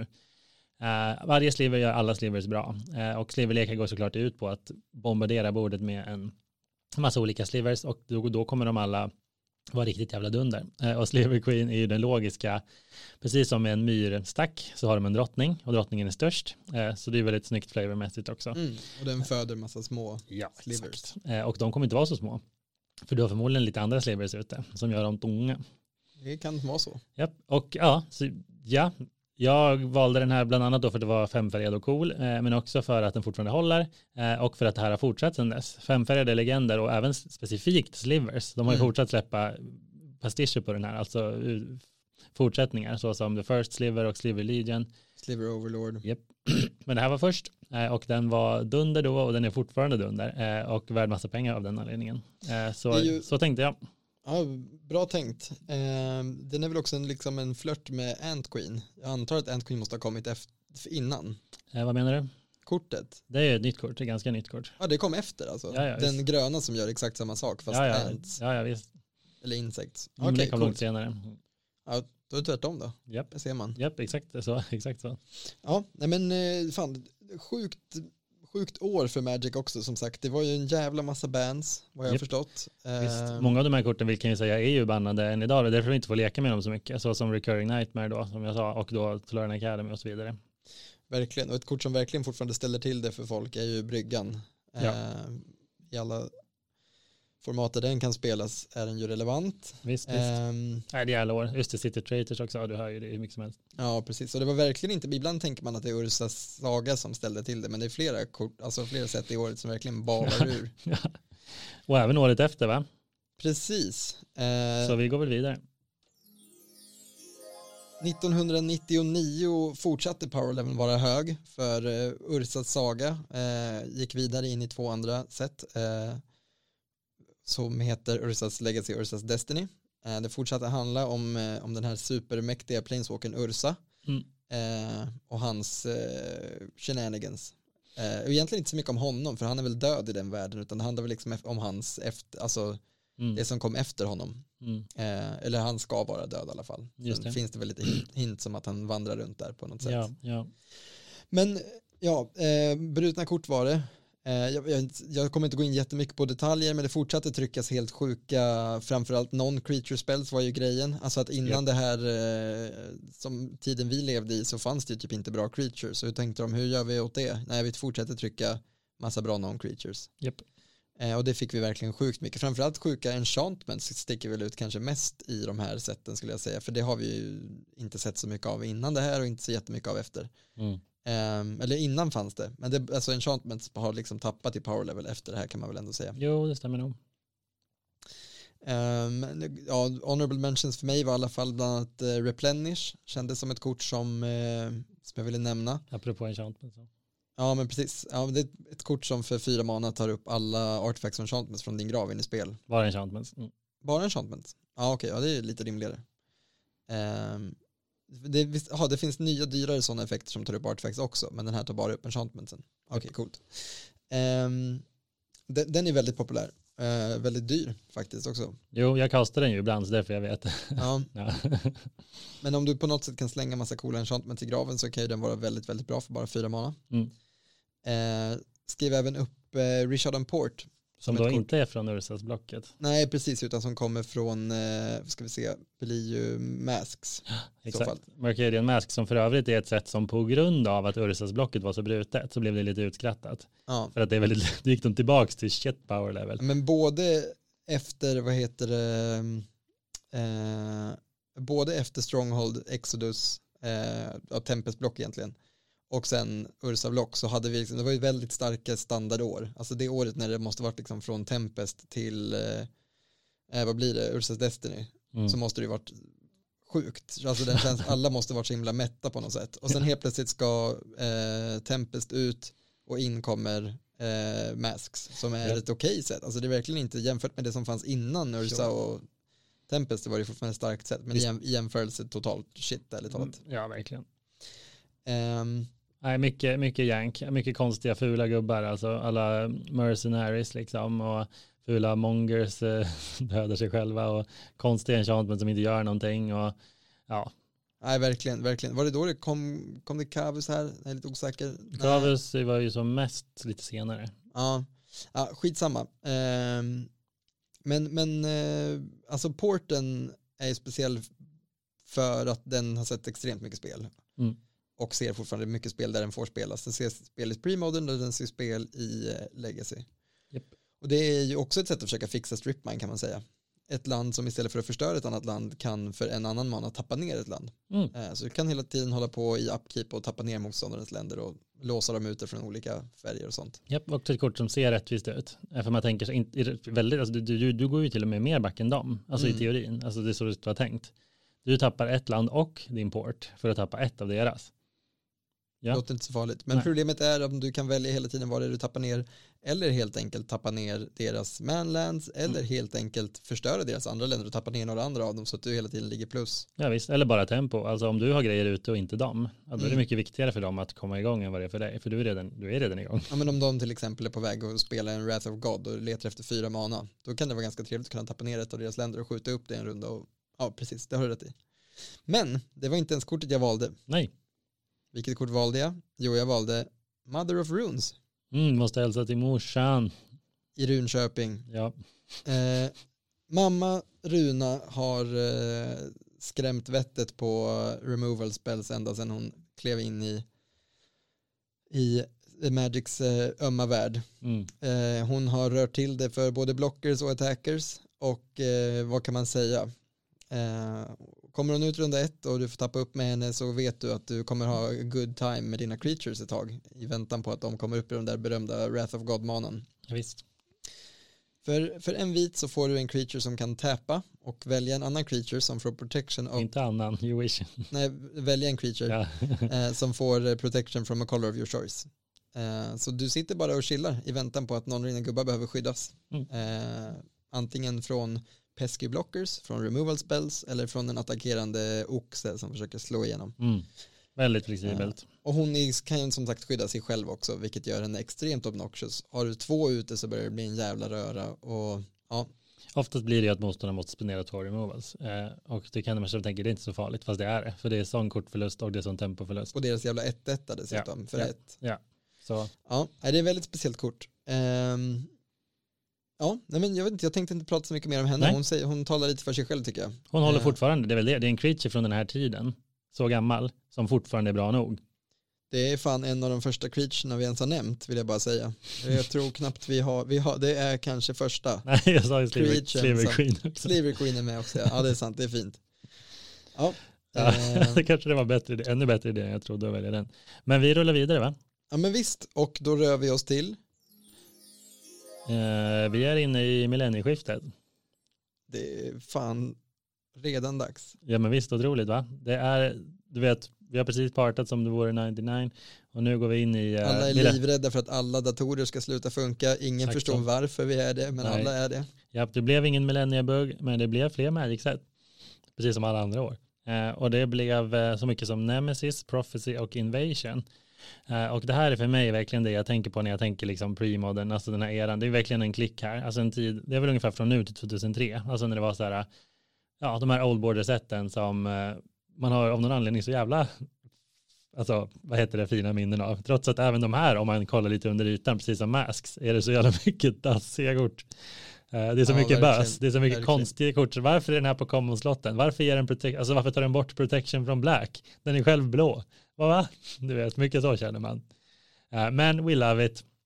Vi älskar det. Lyssna mer om ja, vårt avsnitt om eh, hur Magic var förr så hör man lite mer om det. Eh, Ja, eh, men hur som helst, jättesvårt att välja faktiskt. Det är mycket nice. Jag var sugen på ännu en, vad heter Stacks piece i form av Tanglewire. Jag var sugen på Factor Fiction, ett helt otroligt bra kort som fortfarande ser spel då och då. Väldigt bra kortövertag. Eh, klassisk så här, blå spel som man spelar, man håller uppe för kontringar och sen om de inte, de inte gör något så spelar du den här. Det känner vi från Memory Delusion nu i standard också. Är också sugen på Aura Charts, otroligt jobbig enchant med den med. Vi har också Days, men jag vill inte välja den för att vi har pratat om Force of Will, jag tycker de är lite för rika. Faktiskt, för det är gratis kontringar eh, och eh, alla som spelat Legacy vet vad det handlar om. Jag var också en gnutta sugen på att välja Rox som en tribute till vår kompis Benet, eller min gamla kompis Benet. Eh, det var hans favoritkort. Eh, Och han fyller faktiskt år imorgon. oj, det hade varit väldigt passande. Ja, jag har faktiskt gjort så att jag har skickat en foiled Rox till honom som födelsedagskort. Japp. Fan vad gulligt. Japp. Och hans två andra favoritkort. Jag bara fick den idén för något halvår sedan. Så jag bara, jag måste göra det. Det är en jävligt bra idé. Eh, Han spelar inte Magic alltså. Men han, han kommer nog bli glad ändå. Men jag valde inte dem. Utan jag valde ett kort som faktiskt spelas mycket till skillnad från Rox. Och det är Heuristic Study. Eh, ett jävla common uh, ifrån uh, Nemesis. Eh, den ingen- säger en blå två, dra hur många kort du vill över en liten tid. lite som Necropotence då. Tre mana enchantment. Ut- Utan drawbacks dock. Japp. Eh, så här va, Eh, i det här sättet så hade de den jättebriljanta idén, uh, förresten jag tror jag sa fel, det är nog Prophecy den kommer ifrån. Ja, de hade en jätterolig idén att så här, vore det inte kul om eh, motståndaren bara kunde betala mana för att göra ditt kort värdelöst? Va? Ja, ja, alltså du har ett kort, det gör något. Men sen om motståndaren råkar ha mana uppe, då gör den inget. Det är som att den har en inbyggd motståndaren kontrar den. Otroligt dålig idé. Ja. Men det var ett tema. Det fanns massa kort som heter Ristic. Till exempel det finns någon som är så här fem mana, sug fem i motståndaren, alltså draina fem. Men om de betalar tre så händer inget. Man bara, kul. Så när du, den värsta av alla, Ristic Cave. Det är landet som tappar för vilken färg som helst. Men om motståndaren betalar ett så händer inget. Men mitt i smeten, mitt i den här äckliga gröten, råkade de trycka ett common enchantment som faktiskt var asbra, Ristic Study. Uh, så det är alltså när motståndaren spelar en spel, när vilken motståndare som helst så får du dra ett kort om de inte betalar ett. Helt okej okay i allmänhet, men det visade sig att många år senare så skulle ett litet format som heter EDH eller Commander dyka upp, där man gärna kör fyra samtidigt. Och då visade det sig att det är skitbra, för folk har inte tid att betala ett. Uh, och de spelar många spels, ibland flera per runda. Så det slutar med att du får dra, som du sa, hur många kort du vill. De kan liksom välja mellan att en av deras motståndare får dra två kort Eh, och då får du spela båda dina spells. Mm. Eller så får de bara spela en av sina spells och en av de billigare spelsen du har i handen och då får motståndaren inte dra något kort. Mm. Och din spelare som satt innan dig valde precis att skita i det så den här motståndaren har redan dragit tre kort och du känner inte för att vara the stand-up guy som betalar. Nej. Ja, så i resultatet av det här är ju som vi sa att eh, du får dra en väldigt massa kort för bara tre mana. Eh, det är svinbra. Eller disrupta din motståndares gameplan. Någon av de här två sakerna kommer hända. Och det kommer vara, båda. Ja, mm. nice. Ja, det kommer vara väldigt nice. Eh, så är det. Och det här är faktiskt en av de dyraste korten i sättet, fast den är common. Kör man kaosdraft med det här, vilket vi gjort, så är det ett jävla common man vill öppna. Så man har hyfsat god chans. Mm, det gjorde vi också. Jag har en sån Just det, i ja. en av mina lekar. Bara vi fick från kaosdraft? Ja. ja, härligt. Amen. Så det var det då. Jag satt fan och drog röven av mig med ett sånt kort, eh, med den senast i förrgår på Spelfaktoriet. Underbart. Det var inte, jag, jag förlorade. Jag spelade en Windfall med 60 kort på handen så jag dödade mig själv och en av de andra spelarna. Robert blev skitförbannad för att han bara, du Edvard, du spelar aldrig så här, du spelar alltid för att vinna. Och jag bara, nu är klockan kvart över två, jag går, jag går och lägger mig, hej då. Ja, härligt. Ja, men då så, vi, vi säger så tycker jag. Ja. Ja, men det var Ristic Study med 1900, nej förlåt, år 2000. Ja. Um, ja, här kommer 2001. Mm. Sponsras av 7th edition, Plane Shift, Apocalypse och Odyssey. Ja, ja eh, det var lite speciellt. Här, för mig så är det här sätt som dels symboliseras av några väldigt starka flerfärgade creatures. Mm. Eh, I, eh, var det Apocalypse skulle jag vilja säga. Eh, så ja, var det en grej liksom, alltså opposites, eh, och det hade de inte gjort vad jag vet förut på det sättet, alltså gått all in i fiendefärgerna. Mm. Eh, så de tryckte några ridiculously starka creatures för sin tid. Eh, eller är de från Nemesis? Nej. Är de är från Apocalypse? De flesta, många är ja. Den som jag tänker på är det tror jag, och det är eh, Spiritmonger tror jag till exempel. Japp. Yep. Ja. Eh, så de här korten var dyra för att de var liksom fel färger, vilket på den här tiden spelade väldigt stor roll för att Color Pie var, alltså hade en helt annan funktion i spelet och att vara just till exempel grön och svart istället för att vara grön och vit spelade stor roll för det fanns inte mana mm. som supportade det på samma sätt. Det är sant. Vi hade till exempel inte till exempel fiendefärgade fetchlands, vi hade inte eh, ja men länder alls på samma sätt. Nej.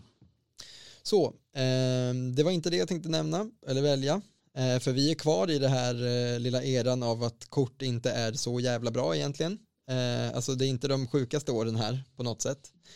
Eh, men det kom några kort som verkligen sticker ut. Ett kort som jag förlorade mot i en premodern turnering för, förra helgen. Eh, Phyrexian Arena. Eh, ett fruktansvärt starkt kort som verkligen på den tiden skakade om formatet. Det var just det här med att li, ett liv inte är en fair trade-off mot ett kort utan oftast väldigt värt. Är det den du eh, väljer? Och att den råkar kosta tre svarta. Mm. Nej. Nej. Är det, är det för övrigt också en fixad necropotence? Ett försök att fixa necropotence som inte riktigt funkar heller. Det är liksom för bra i, sin, i den här, på den här tiden. Ja men kanske. Men i slutändan är det ju lyckat. Att i end of the day så är det ju, alla älskar den. Den är mycket mer fine än, än uh, necro. Ja, och folk gillar att tjafsa om den är dålig idé eller inte. Ah, ja, fortsätt. Ja. Jaha, det visste jag inte. Men uh, det, ja, den, fair enough, den drar inte så mycket kort antar jag för tre mana. Men jag valde ett kort som är mycket mer, eh, ligger mig varmare i hjärtat och det är Upheaval. Åh oh, nej, ja. Eh, Upheaval är en eh, sorcery för sex mana som eh, är blå och säger att alla permanents i spel returnas till motstånd eller till ägarens hand. Yep. Så basically, hej då brädet. Eh, och då kan man tänka, ja det låter ju som ett fair och balanserat kort, båda spelarna blir av med allt. Men om du har byggt en lek som är bra på att eh, ösa ut saker snabbt så är det här ett kort som ställer till det väldigt fort. Eh, Medan motståndaren måste påbörja sin tröga rebuilding av att spela ett land per tur. Yep. Eh, spelas kanske framförallt nu för tiden i kub. Yep. För den är legal i premodern men ser inte så mycket spel där alls. Nej, det finns inte tillräckligt bra manastenar. Ja, just det, precis.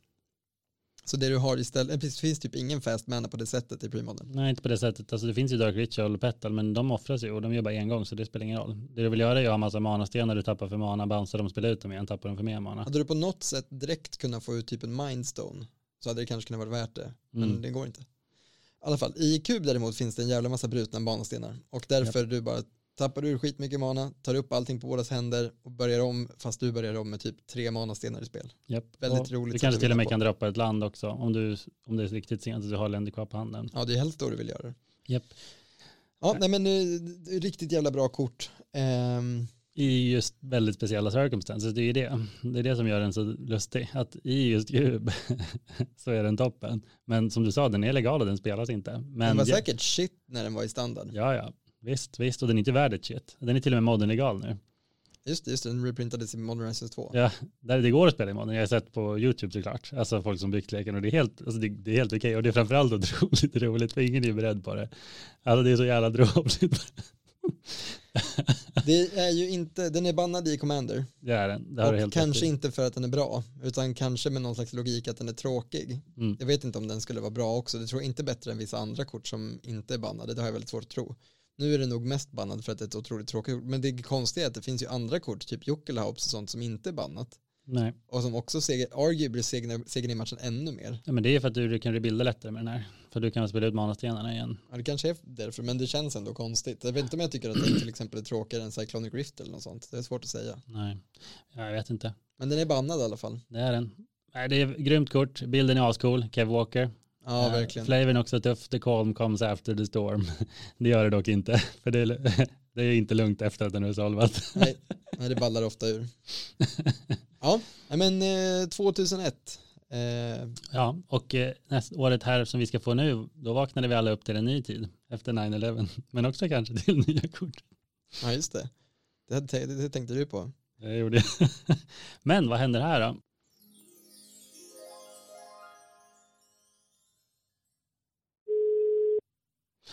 Ring, ring, ring.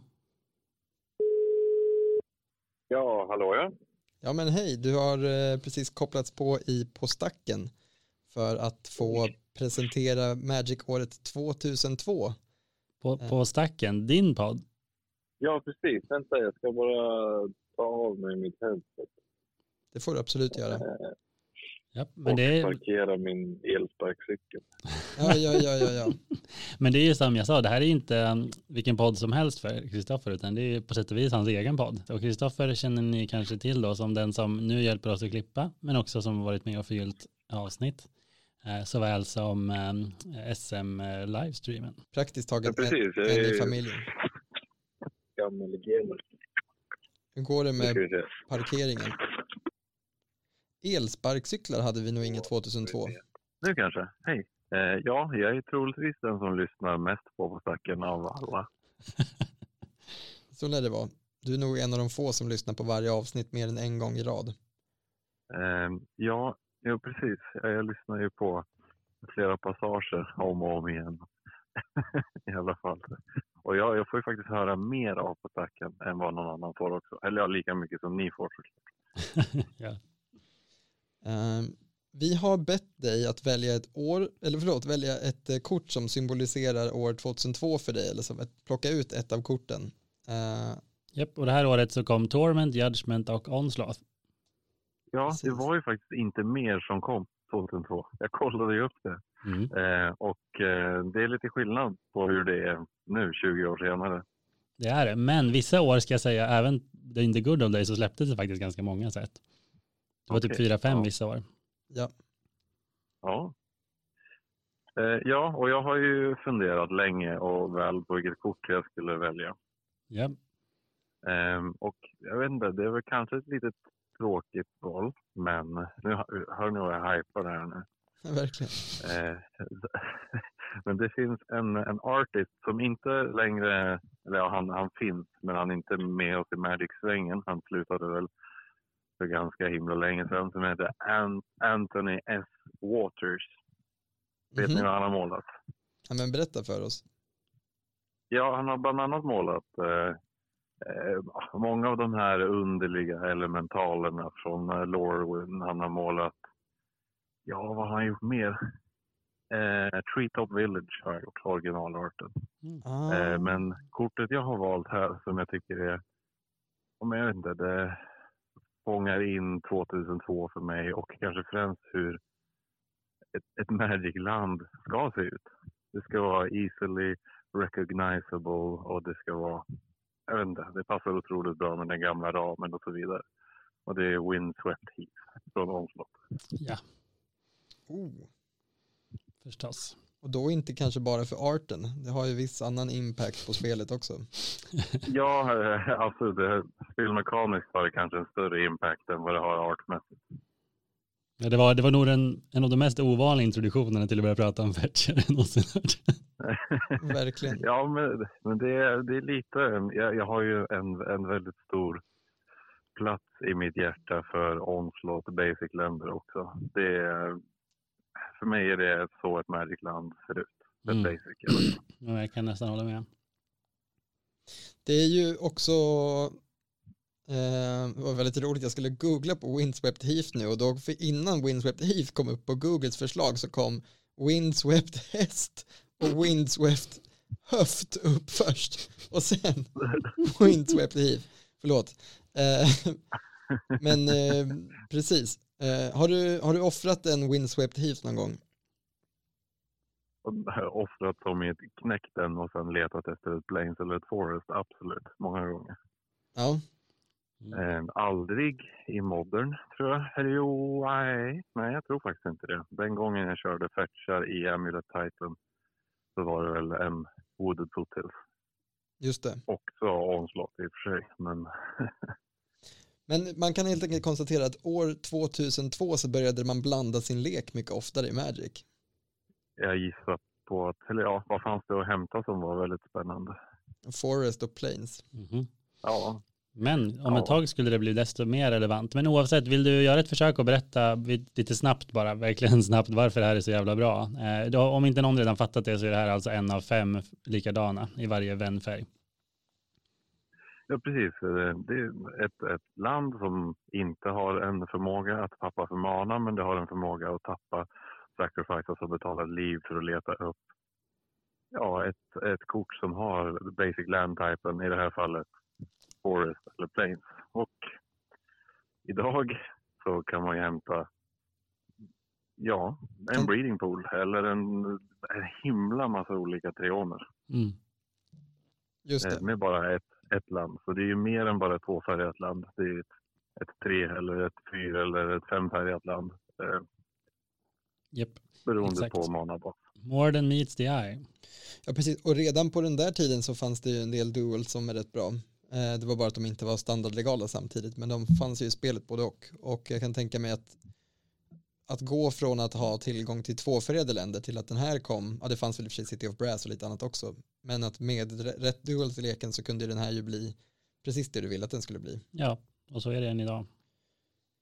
Dessutom är det ju inte helt irrelevant att den både hamnar i graven eh, om du har något sätt att spela den igen, till exempel med en ehm, eh, Crucible of Worlds som i och för sig inte heller hade kommit riktigt än här, men den kommer så småningom. Men eh, Threshold fanns det. Threshold fanns, absolut, gjorde skillnad. Kunde spela Cartographer om du verkligen ville. Ja, exakt. Och du kunde dessutom eh, blanda om din lek, vilket ofta är väldigt relevant i spelet Magic, där du ibland lägger tillbaka kort uppe på toppen. Mm. Ja men Verkligen. Bra val. Eh, definitivt de bästa korten det här året eh, och några som Magic inte skulle vara alls sig likt utan.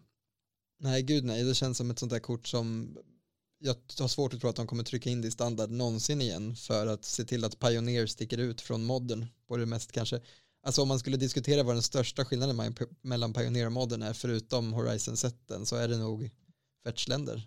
Därför de, de, det var en av de första sakerna de gjorde när de startade Pioneer. De sa no fetches, For now. Mm, förmodligen forever, men ja, absolut. Man ska aldrig säga aldrig. Men då så, har du något mer du vill säga om det eller om året? Ehm, nej, jag spelade ju verkligen inte Magic då, men på något sätt så har det genom, genom tid resonerat väldigt hos mig. Just för att länderna är så ikoniska. Det har på något sätt blivit att så ser ett Magic-kort ut, men framförallt så ser länder i Mm. Magic ut. Jag vet inte hur många eh, hur många länder från den typen, inte specifikt från Onslaught, men där i krokarna som jag äger. Det är, ja, jag vet inte, det kanske är ett kilo, jag vet inte. Mm, förmodligen. Coolt. Yes. Då vet man vem man ska höra av sig till om man behöver Old Border Basics då. Ja, jag släpper dem ju inte, det är det som är problemet. Inte jag heller. Då vet man varför man inte kan få tag på Onslaught Basics då. Jag har dem om inte han har dem. Yes. Nej, men då säger vi tack och på återhörande. Ja, Tusen tack ja, för din tack, medverkan Tack ska och ni eh, ha. vi hörs snart i podden igen. Japp. Det gör vi. Ha det fint hörni. Hejo. Hej! Hej. Mm, där har vi Christopher. Chris to the cry to the cur to the... Yeah boy. Så, eh, vi, Ja, vidare. Eller ska vi ha fikapaus? Nej. inte än i alla fall, har kommit fram till, Är det någonstans här folk börjar inse att det här avsnittet kommer bli väldigt långt? jag bland annat, Ja. Men nu hörni. Oh boy, det är ingen slump att jag fick det här året. För jag, jag, hur mycket pillade du runt i åren vi skulle få och vem som skulle prata när för att se till att du hamnade här? Ehm, lite. Eh, det här är i alla fall 2003 och varför är det ett viktigt år? Jo, för det är då jag börjar spela. Ah, Det de i Kina kallar för drakens år. precis. Eh, och det var ett år där det släpptes. Är det därifrån det kommer, zodiaxen?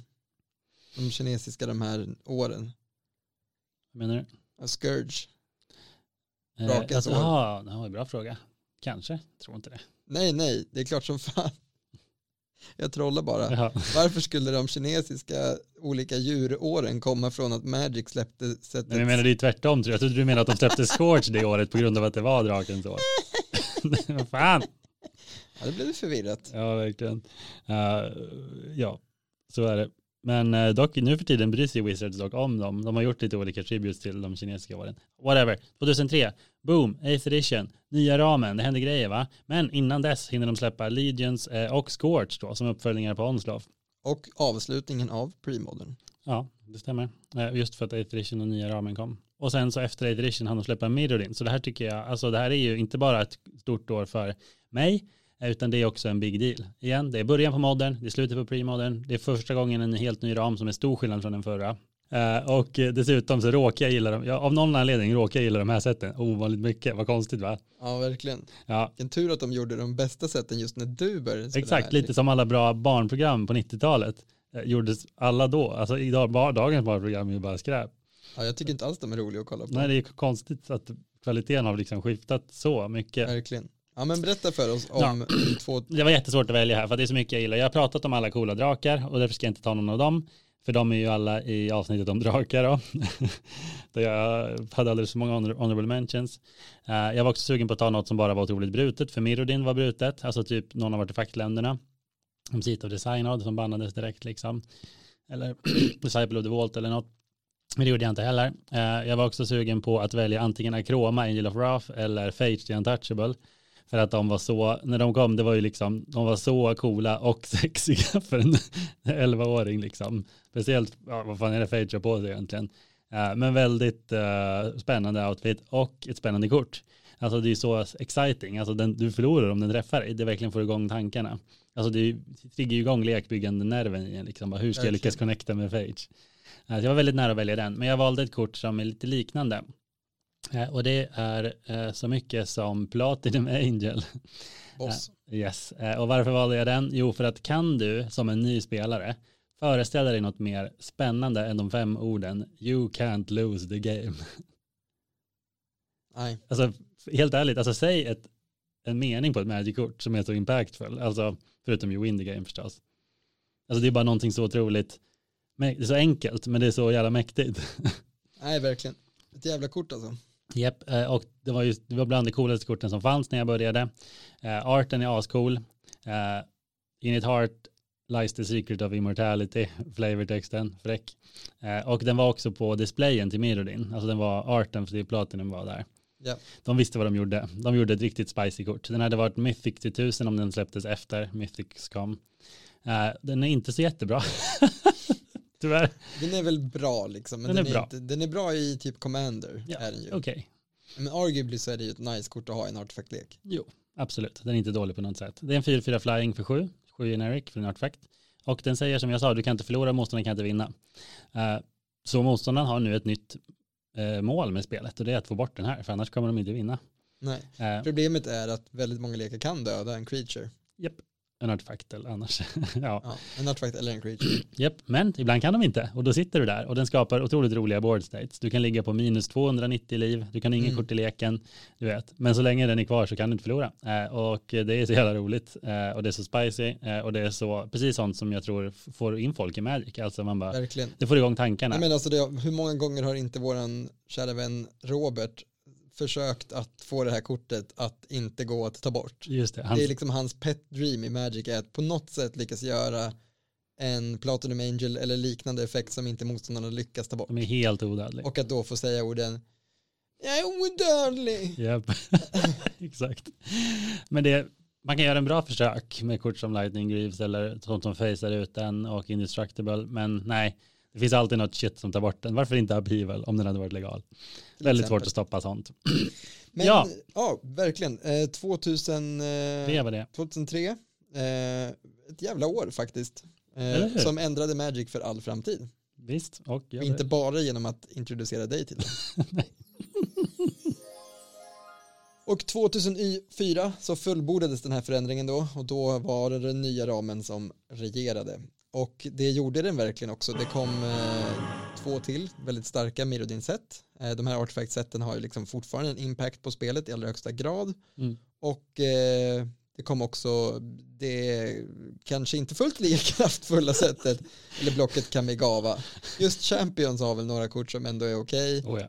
Eh, Men eh, de korten sticker ut i sin eh, gemenskap av resten av setet och Ja. blocket. Även här, förlåt, jag inte ta över, men alltså det här släpptes precis efter Mirrodin-blocket som var på tok. Alla var jävla nya Magic är så jävla hög power level. Nu är det fire. Precis på samma sätt som Mask släpptes efter Ursas. Och Ja. Ursa var ju också ett artefaktblock-ish.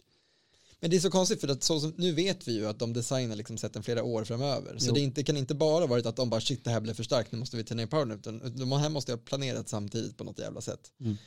I alla fall, eh, jag har haft svårt att välja kort här. Eh, det finns kort, eh, ja, typ Senseis, Top, Gifts and Given, eh, ändå kort från Kamigawa som är riktigt bra. Ja, Eh, även Crucible of Worlds från eh, Fifth Dawn. japp. Eh, riktigt jävla starkt kort. Men Fifth Dawn sticker också ut i sitt eget block genom att vara klart mycket sämre än de två andra. Japp. Darksteel däremot har levererat ett kort som regerar mer i läget skulle jag säga just nu än i, modern kanske. Mm. Eh, men, men, men även i modern är den skitbra och har framförallt varit ett jävla kort i modern och det är Aether Vial. Just det. Så Aether Vial är en artefakt för ett som du i varje upkeep får lägga en charge counter på om du vill. Mm. Eh, du kan tappa den och lägga in en creature från handen utan att betala manakostnaden, eller ja, självklart eftersom du lägger in den, eh, så länge den har CMC lika med antalet counters på eh, Vial. Vial. Vad det här gör är att om du lägger ut den till exempel runda ett eller tidigt i matchen så kommer du kunna börja lägga ut flera gubbar per runda väldigt snabbt. Mm. Alla som har spelat Merfolk eller Goblins eller eh, till vissa delar typ Humans framförallt var en lek som också powerades upp mycket av det här vet hur viktigt det är att bara tömma sin hand så fort som möjligt. Japp. Och då finns det få kort som gör det lika bra som Aether Vial. Och den här tror jag inte var något het överhuvudtaget när den kom. Alltså det var inte ett sånt kort som bara exploderade direkt utan det tog nog ett tag för Aether Vial att verkligen ta över spelet. Jag tror det. Ehm, men i modden som inte fanns på den här tiden så är Aether Vial ett kort som verkligen har skapat lekar kan man säga. Alltså Merfolk skulle inte vara detsamma utan Aether Vial skulle den ens gå och spela all, det tror jag inte. Knappt alltså. Nej. Eh, Humans är en lek som absolut inte skulle funka utan den. Och eh, ja, ett, ett jävla bra kort helt enkelt. Och i Magic, i framförallt aggressiva lekar, går väldigt mycket ut på att vara snabb. Och den här är ruskigt snabb. Ja, och den hjälper dig att fuska på mana, vilket vi också nämnt förut att det är alltid jättebra. Och den skiter i kontringar. Det är också en grej som är Ja. jävligt viktig för ge, den. Och ge flash-ish. Den tog jävligt mycket stryk i och med Modern Rises 2 och eh, Prismatic Ending. Eh, som i och för sig har tappat lite, den ser inte lika mycket spel längre till fördel för typ eh, March of the Otherworldly Light och vad fan heter den allra nyaste? De vitt får alltså jävla mycket bang removals nu med den här Leyline Binding. Men ja, det saknas inte kort som kostar ett och ta bort vad fan du vill.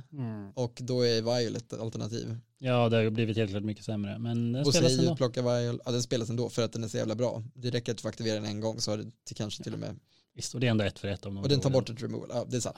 Men vilket fall som helst, den har tagit stryk, den typen av strategier har tagit stryk, men det är ett kort som vi all, alltid kommer att se spel. Och på tal om eh, Rarity då, kom från början, har kostat typ 300 spänn väldigt länge, nu är det Mm. lite billigare, men är ganska mycket billigare. Men ja, fortfarande inte, inte bös. trots att det är ett jävla uncommon. Ja, det var. Mm. Ja, nej fy fan. Eh, Darksteel eh, levererade verkligen. Och eh, det är inte bara det kortet, många andra kort också. Ja, Ravager förstås. Och Ja, sen eh, verkligen. Steel, i EDH är det väl Dark Steel Forge man kanske är mest rädd Jävla för. ikoniskt kort. Den var med på min lilla lista över kort Ja. länge. Nice. Eh, den var i spel samtidigt som Platinum Angel i lördags också. Samma match som jag pratade om tidigare med Ristic Study.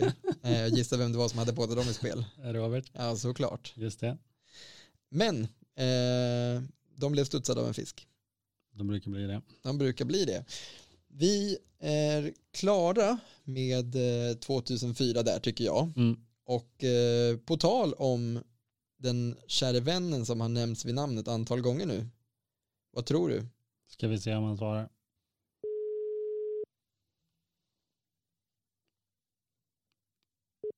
Hej Edvard. Hej Robert och välkommen till På stacken.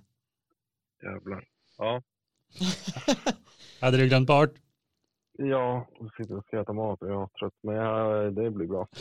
Ja, eh, vi har kommit fram till det fantastiska Magic-året eh, som eh, heter 2005 och som välsignades av 9th edition, Betrayers of Kamigawa och Saviors of Kamigawa och ett annat sätt som har gjort en lite större impact för många tror jag, som är första Ravnica-sättet. Japp. Mhm. Ravnica City of Guilds. Så, ja verkligen. Vad, vad gjorde du 2005 Robert? 2005. Ja, jag spelade inte Magic. Jag satt eh, antagligen, jag var sju, typ 13, 14. Jag satt och spelade data varje dag och mådde dåligt antagligen. Det låter lite som nu då. Ja, nej precis. Men nu spelar jag Magic också. Det är ändå en stor skillnad. Så det är lite bättre i alla fall. Ibland får du drafta. Eller hur? Japp. Ja, nej men Robert är som ni kanske minns en, eh, en gammal poddlegend. Han har bland annat varit den enda som har eh, varit med i ett avsnitt som jag inte har varit med i. Mm, Han och Harry gjorde pre-release avsnittet helt Just det. utan mig. just det. Ja, det Eh, är ändå, om man får säga det, bästa avsnittet. Ni som inte har hört det borde absolut lyssna på det för att få höra om storhet. Det är nog dags för ett nytt pre-release avsnitt snart. Det känns Ja. som ett- ämne som man kan komma tillbaka till. Yes, var, du- var du tänkt, hur tänkte du kring kortval Robert? Jag eh, funderade en del.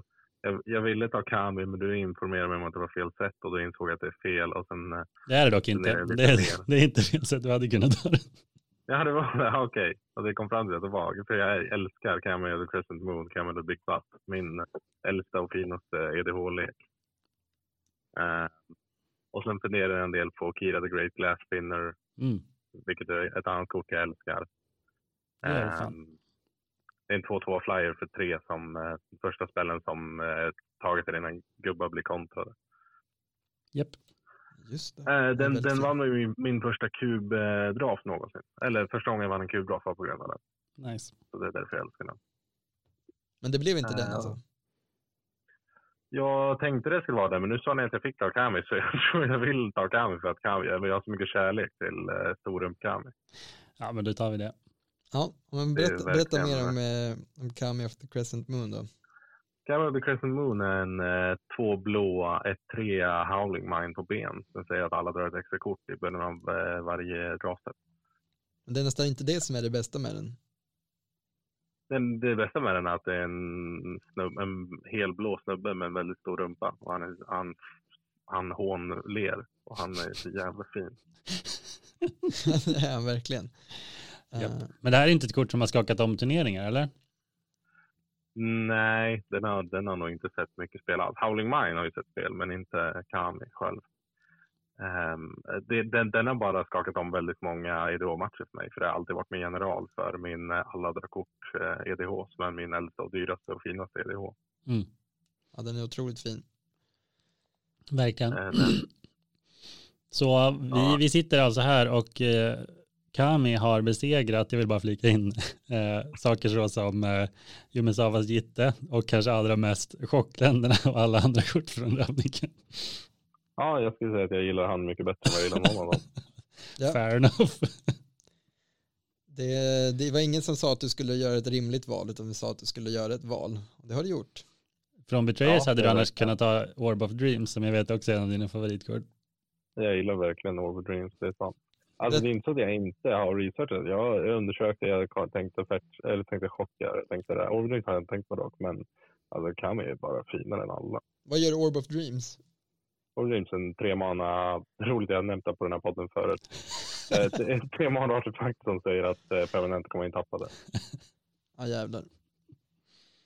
Ex- Ja. Extra kul med Stasis. Nej, Ja, men, eh, ja, Så men, vidare har jag aldrig varit dock, men jag tycker att den, den har varit en nice eh, stackskort i våra. Jag mm, Jag kan passa på att hänga ut dig också. Senast vi pratade om podden, du och jag, så sa du bara, ja, fast jag har inte lyssnat på podden på ganska länge. Så kom det fram att du hade liksom slutat lyssna sen du var med i podden. Du Mm. bara, ja, men nu har jag, Ja, nu har jag poddpikat, nu kan jag skita i det här. var inte lika bra längre. Så jag, Men jag har faktiskt, jag har suttit och lyssnat på senaste. Har jag. Eh, eh, jag lyssnade på Monrött och någon efter medan jag sitter på toa och grejer. Det var nice. ja, ja men det är bra. Vi pratar ganska mycket om dig så det känns som att du borde lyssna på podden. Jag blev lite offended. Det är sant. Det Ja. jag göra. Vi, vi pratade om dig nyss innan vi ringde upp dig till exempel, så nu måste du lyssna på det här avsnittet. ja, just det. Det är väldigt sant. Eh, något Nej, men jag mer om... ju eh, också på, på slutet på avsnittet när jag var med senast. Det Just var någon när jag hade sån extra i slutet. Ja, Det jag på. Jag spolade till slut och lyssnade på det. Just det. Ja, nej, något mer om 2005? Ja, man kan ju säga då att Ravnica är det mest populära planet. Ja, nej men jag älskar Ravnica. Så är det ju. Och min eh, favoritbild är ju, är ju Raktos. Eh, och eh, jag brukar spela där så fort jag får chansen. Men jag, jag personligen spelade ju inte under den här tiden. Men Nej. jag har ju en koppling till det som är att jag kommer ihåg när Braf gjorde sin Ravnica Q och vi spelade den. Det var väldigt fint faktiskt. Verkligen. Jävlar. Just det.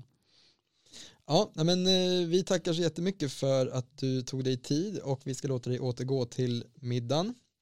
Mm. Eh, Vi rekommenderar alla att framförallt titta upp arten på Robert Kortval som är kanske är det mest eh, fantastiska. Mm. Ja, Verkligen. Ja, Verkligen. det är riktigt jävla shit eating grin på honom alltså. Det kallas. Alltså, kolla Ja, på det. Och rumpan. Det är underbart. Japp. underbart. Eh, Tusen tack och vi hörs i podden snart hoppas jag. Ja, det hoppas jag. Tack så mycket. Ja, hej. Puss. Hej då. Vi stormar på. Japp. Klockan går som man säger. Ja, visst. Eh, Och vi har kommit till 2006.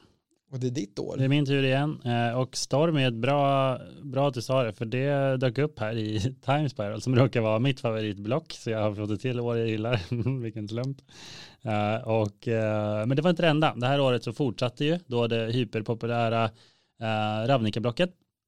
Vi fick Guild Pact och Dissension. Dissension har jag väldigt starka minnen av för att jag har rippat väldigt många sådana boosters. Jag och min gamla barndomskompis hade en vana att vi eh, vi gick till 21 köpte ett booster Dissension och en slagstaglass för det var den korta tiden när det fanns inne på köpcentret 21 i Eskilstuna. Slagsta glass är alltså Eskilstunas lokala glassbar. Ja, mjukglass, hemligt familjerecept. Ja. Jag tror att receptet är mer grädde bara, men jag vet inte. I alla fall. Eh, Men så var det. Så vi fick se i, vi fick lära känna alla, de, alla guilds genom det här blocket. Dissension avslutade då eh, den här trion som sen har kommit att bli otroligt viktig för spelet och fått in många i spelet också. Det Ja. visade sig vara otroligt framgångsrikt att ha just en guild att associera med. Alltså folk älskar att liksom välja ett lag. Och här Ja, hade du tio att välja på. Så det var det bästa sättet någonsin de hade liksom verkligen fått det här med tvåfärgskombinationen att eh, liksom skina igenom. Ja, sen 2006 egentligen så har inte tvåfärgskombinationerna hetat det, alltså blåsvart längre utan det heter Demir liksom. Mm. Nej men exakt, exakt. Uh, inte Silumgar eller vad dock. uh, nej det går inte att, demir är vad det är. Uh, och eh, vad skulle man välja från det här då? Ja man kan ju välja Ravduels igen och då menar vi chockländerna då. Men det känns inte så roligt. Plus att nu har vi pratat om fetchländer och ah, äsch. Eh, Du har pratat om något land också. Ja. Eh, Men jag var också lite sugen på att välja Mishras Bobel för att påminna alla, den kommer från Cold Snap, för det släpptes också det här året. Ja. Eh, Cold Snap var lite roligt för det var ju alltså Wizards enda gången tror jag som de har sagt förlåt, vi försöker igen. vad de gjorde var alltså att de släppte Cold Snap och sa Homeland hände inte. Homeland har aldrig hänt. Det här är den sista delen i Ice blocket Mm, Väldigt, väldigt ovanligt. Verkligen. Japp, det är som att de gjorde en, re, en, ja, en reboot liksom, eller en remaster, eller bara en redo. Ja.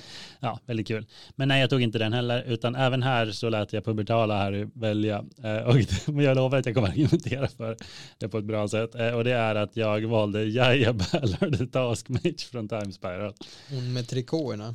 Japp, det, var, det stämmer. Eh, det, det var ett favoritkort när jag var liten, kanske för att hon är snygg.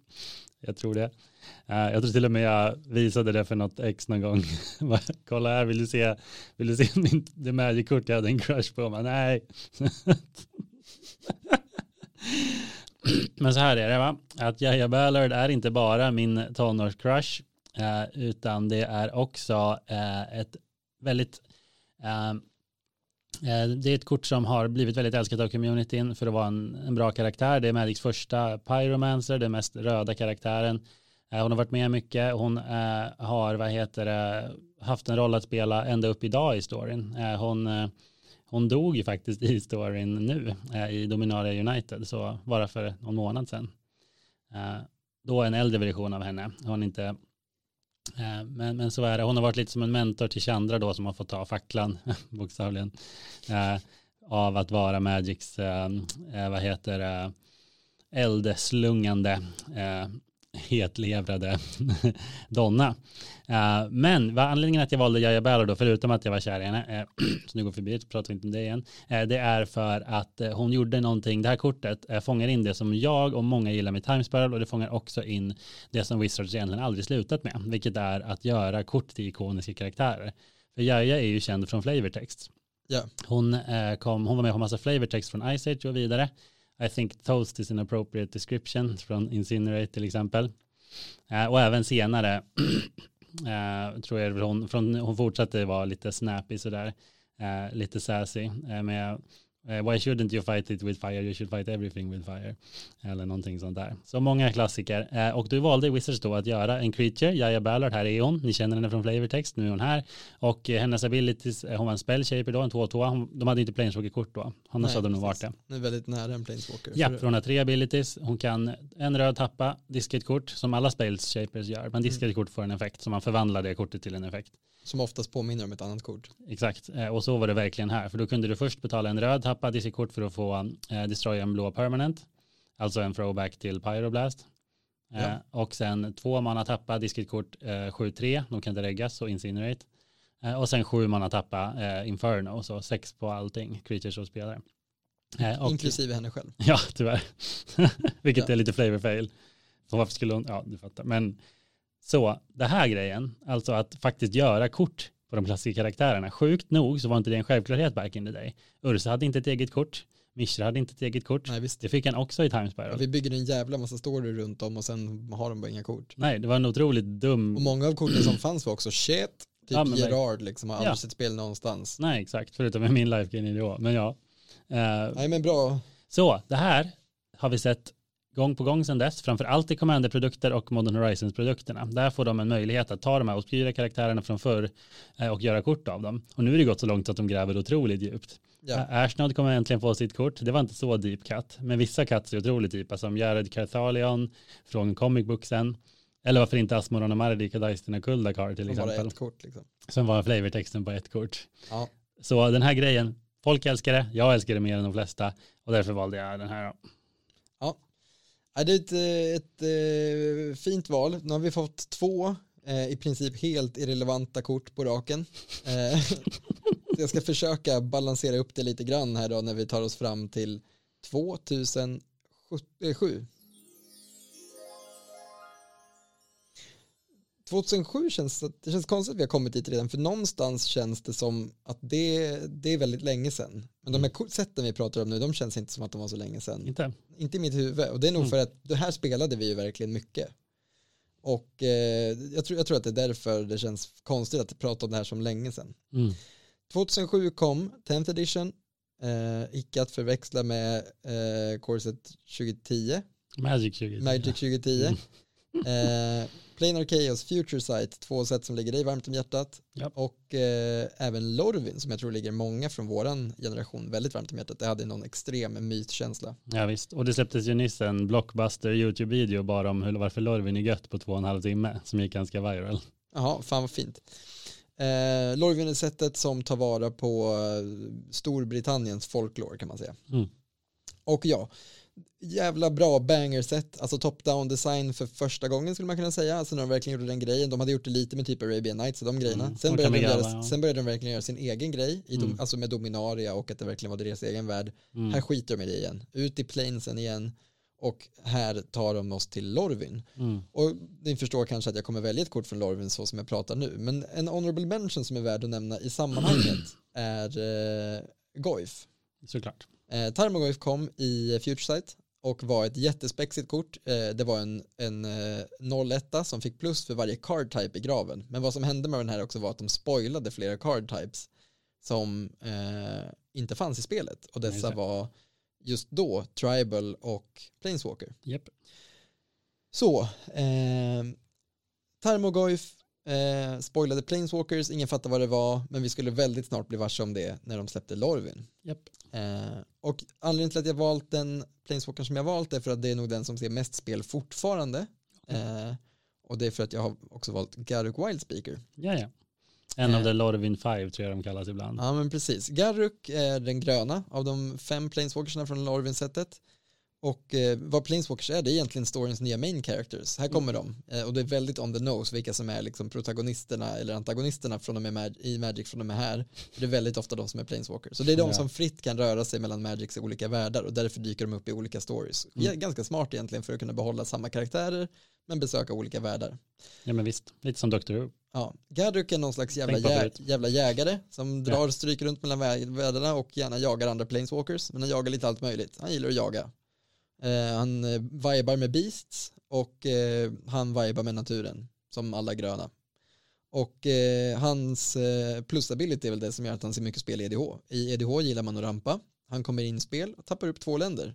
Ja, ah, nice. Två mana. Sweet. Ja, eller mycket, mycket mer om du har länder som producerar två. Så Mm. ganska ofta kommer han in och direkt bara betala för sig själv genom att tappa upp typ en Ancient Tomb och en, ett Karoland. Och sen är du igång.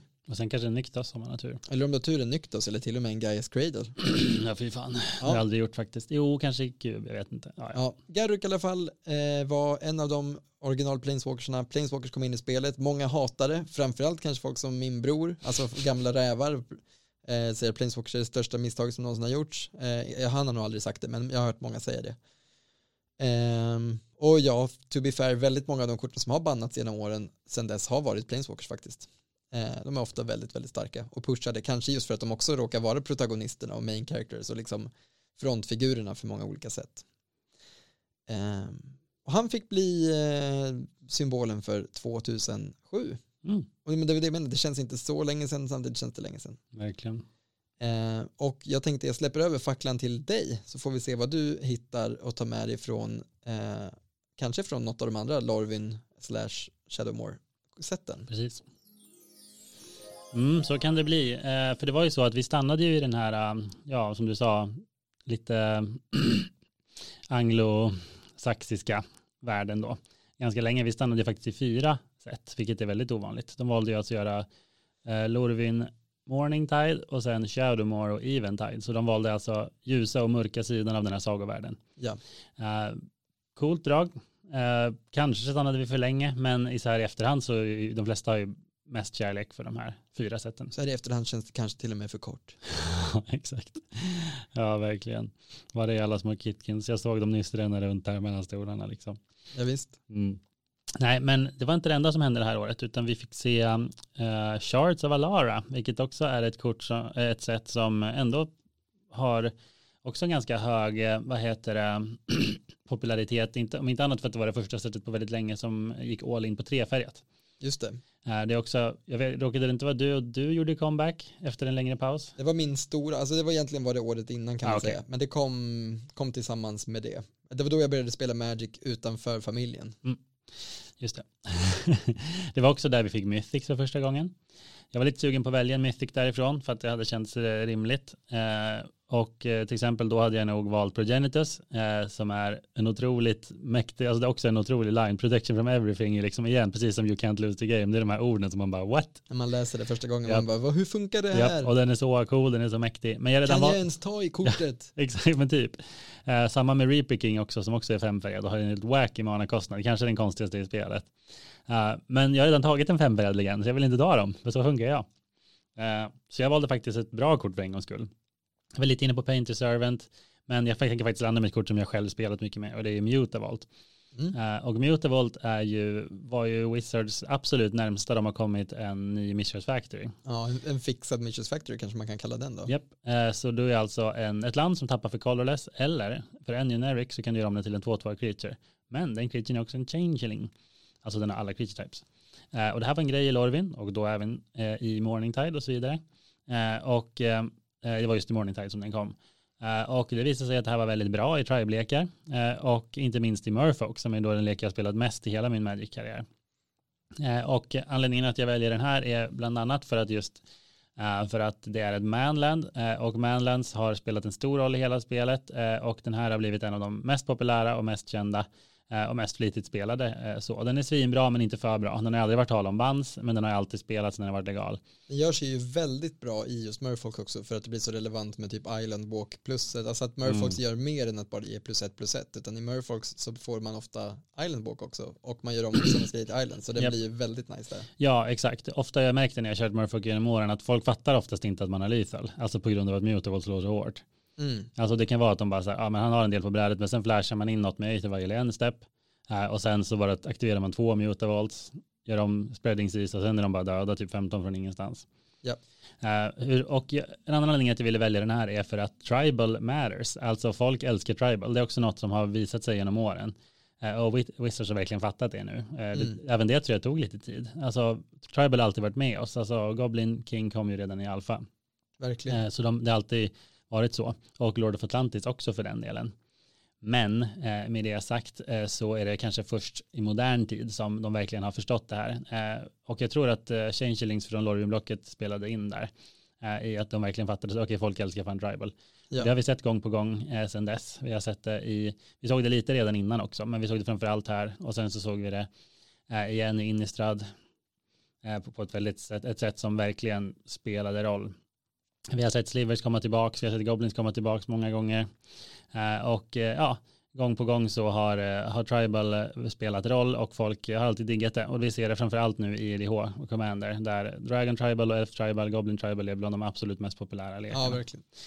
Folk älskar tribes och därför så valde jag en liten grotta som på något jävla sätt är alla tribes. 2009 och vi rundar av det här decenniet med någonting Ja men vi kommer till Zendikar, vi, vi är klart på Alara, vi får det här eh, tredje Alara-blocket där allting är multicolored, eh, kanske första, eller definitivt första och kanske sista gången. Förmodligen. Även länderna var ju multicolored. Allt var multi, det fanns inget sätt som inte var multicolored, det fanns Mm. massa artefakter som var multicolored. Mm. Ja, men vi fick också Zendikar, ett, där vi fick fiendefetcharna. Japp. De behövdes ju verkligen sen för att kunna casta alla de jävla multicolor-korten från eh, Alara Block. Ehm, men vad fick vi för kort? Kanske någon frågar. Nu pratar du ju bara massor om de här sätten Edvard och vi har lyssnat på den här podden i en och en halv timme eller en timme och 40 minuter redan. Jo, eh, 2009 eh, belönades vi med ett kort som eh, har spelat väldigt stor roll i eh, modden. Eh, kanske lite i legacy för länge sedan men jag tror inte den gör någon större impact där nu. Eh, och det kortet är inte helt olikt ett annat kort jag valt som också är en, en eh, kvinna för en mana. Jag pratar om Noble Hierarch. Du, du, du, like, you like your women like you like your cards. En mana. Ja, det är väldigt dock roligt, det är en slump i Magic att båda de två, eller två, de två här två ikoniska kvinnorna i alla fall är väldigt supporting cards. Alltså både Mother of Runes och eh, Noble Hierarchy är bra för att de är så jävla bra supportkort. Vad är grejen med det Wizards? Just det. Mm. Check your uh, privs. Nej, eh, den här är väldigt annorlunda från eh, Mother of Runes, eh, men kanske inte helt osannolik att spelas i samma lek. Eh, Nej. Framförallt i kub. Den tappar, den, den är en eh, 01 för en grön Japp. eh, och den tappar för bant, alltså den kan tappa för en grön, en vit eller en blå. Japp. Och eh, den har Exalted, den ability som också kom i Alara som var att om en gubbe attackerar ensam så får den plus för varje, ja, för ett plus ett plus ett. Ja. Tack vare Exalted. Just det. Så du menar för varje menar om man har mer exalted så får man mer plus? Ja, så man kunde ha massa Exalted gubbar och få plus fyra plus fyra om man slog ensam. Japp. Och då kanske till exempel med en double strike and trample gubbe och så bara Gärna, Ja. gärna. Man tackar, man tackar. Ja visst. Ja, men hon är jävla stabil. Hon var förmodligen en av de drivande faktorerna bakom humans-leken i modden. Oh, för ja. att hon är en human, hon gör att du kan kasta många andra humans Japp. och hon buffar din eh, attackerande 3-3 med flying. Verkligen. Och det som jag tycker är lite intressant med den här är att det här, jag ska inte säga att det är en fixad bop, för den är bättre än bop ofta. Men det Mm. är en till bop. Och kanske den, för, den första och bästa som, alltså när den här trycktes, det måste ha varit den första bästa någonsin. Alltså sen bop, eller? Ja, Bästa dorken. Ja, en mana dorken. Ja, och den skulle ju ganska snart bli outshinad. Men den var på sin tid Ja, väldigt, väldigt bra. Och den var svindyr kommer jag ihåg. Alltså från, sitt, från det här sättet var det från liksom Conflex, det, ja. det, det dyraste. Mm. Och eh, ja, bara superstabil gubbe. Alltså verkligen eh, en, Ja. rikt, en riktig banger som de säger, ungdomarna. Verkligen, verkligen. Det är, alltså alltså gubbar för ett som tappar för mana har visat sig vara svinbra. Ja, och den här var inget undantag. Jag tänker dock nämna från det här året, inte för att stila din thunder, men eh, värt att nämna är väl att det här vi också fick eh, eh, äntligen se eh, Nicol Bolas igen. Det var coolt. Eh, han var den stora skurken. Han hade inte dykt upp i storyn sen, sen det visade, eller snarare det var här han dök upp. Innan så var han bara en, en bokslukare i Legends. Verkligen, alltså det var inte, han var med på listan. Jag hade funderat på att nämna honom, men jag hade en Planeswalker från mitt förra set. Jag kände nu kommer man bara fastna i Planeswalker-träsket Ah, okej. och bara vilja nämna Planeswalkers för de är väldigt Mm. prominent.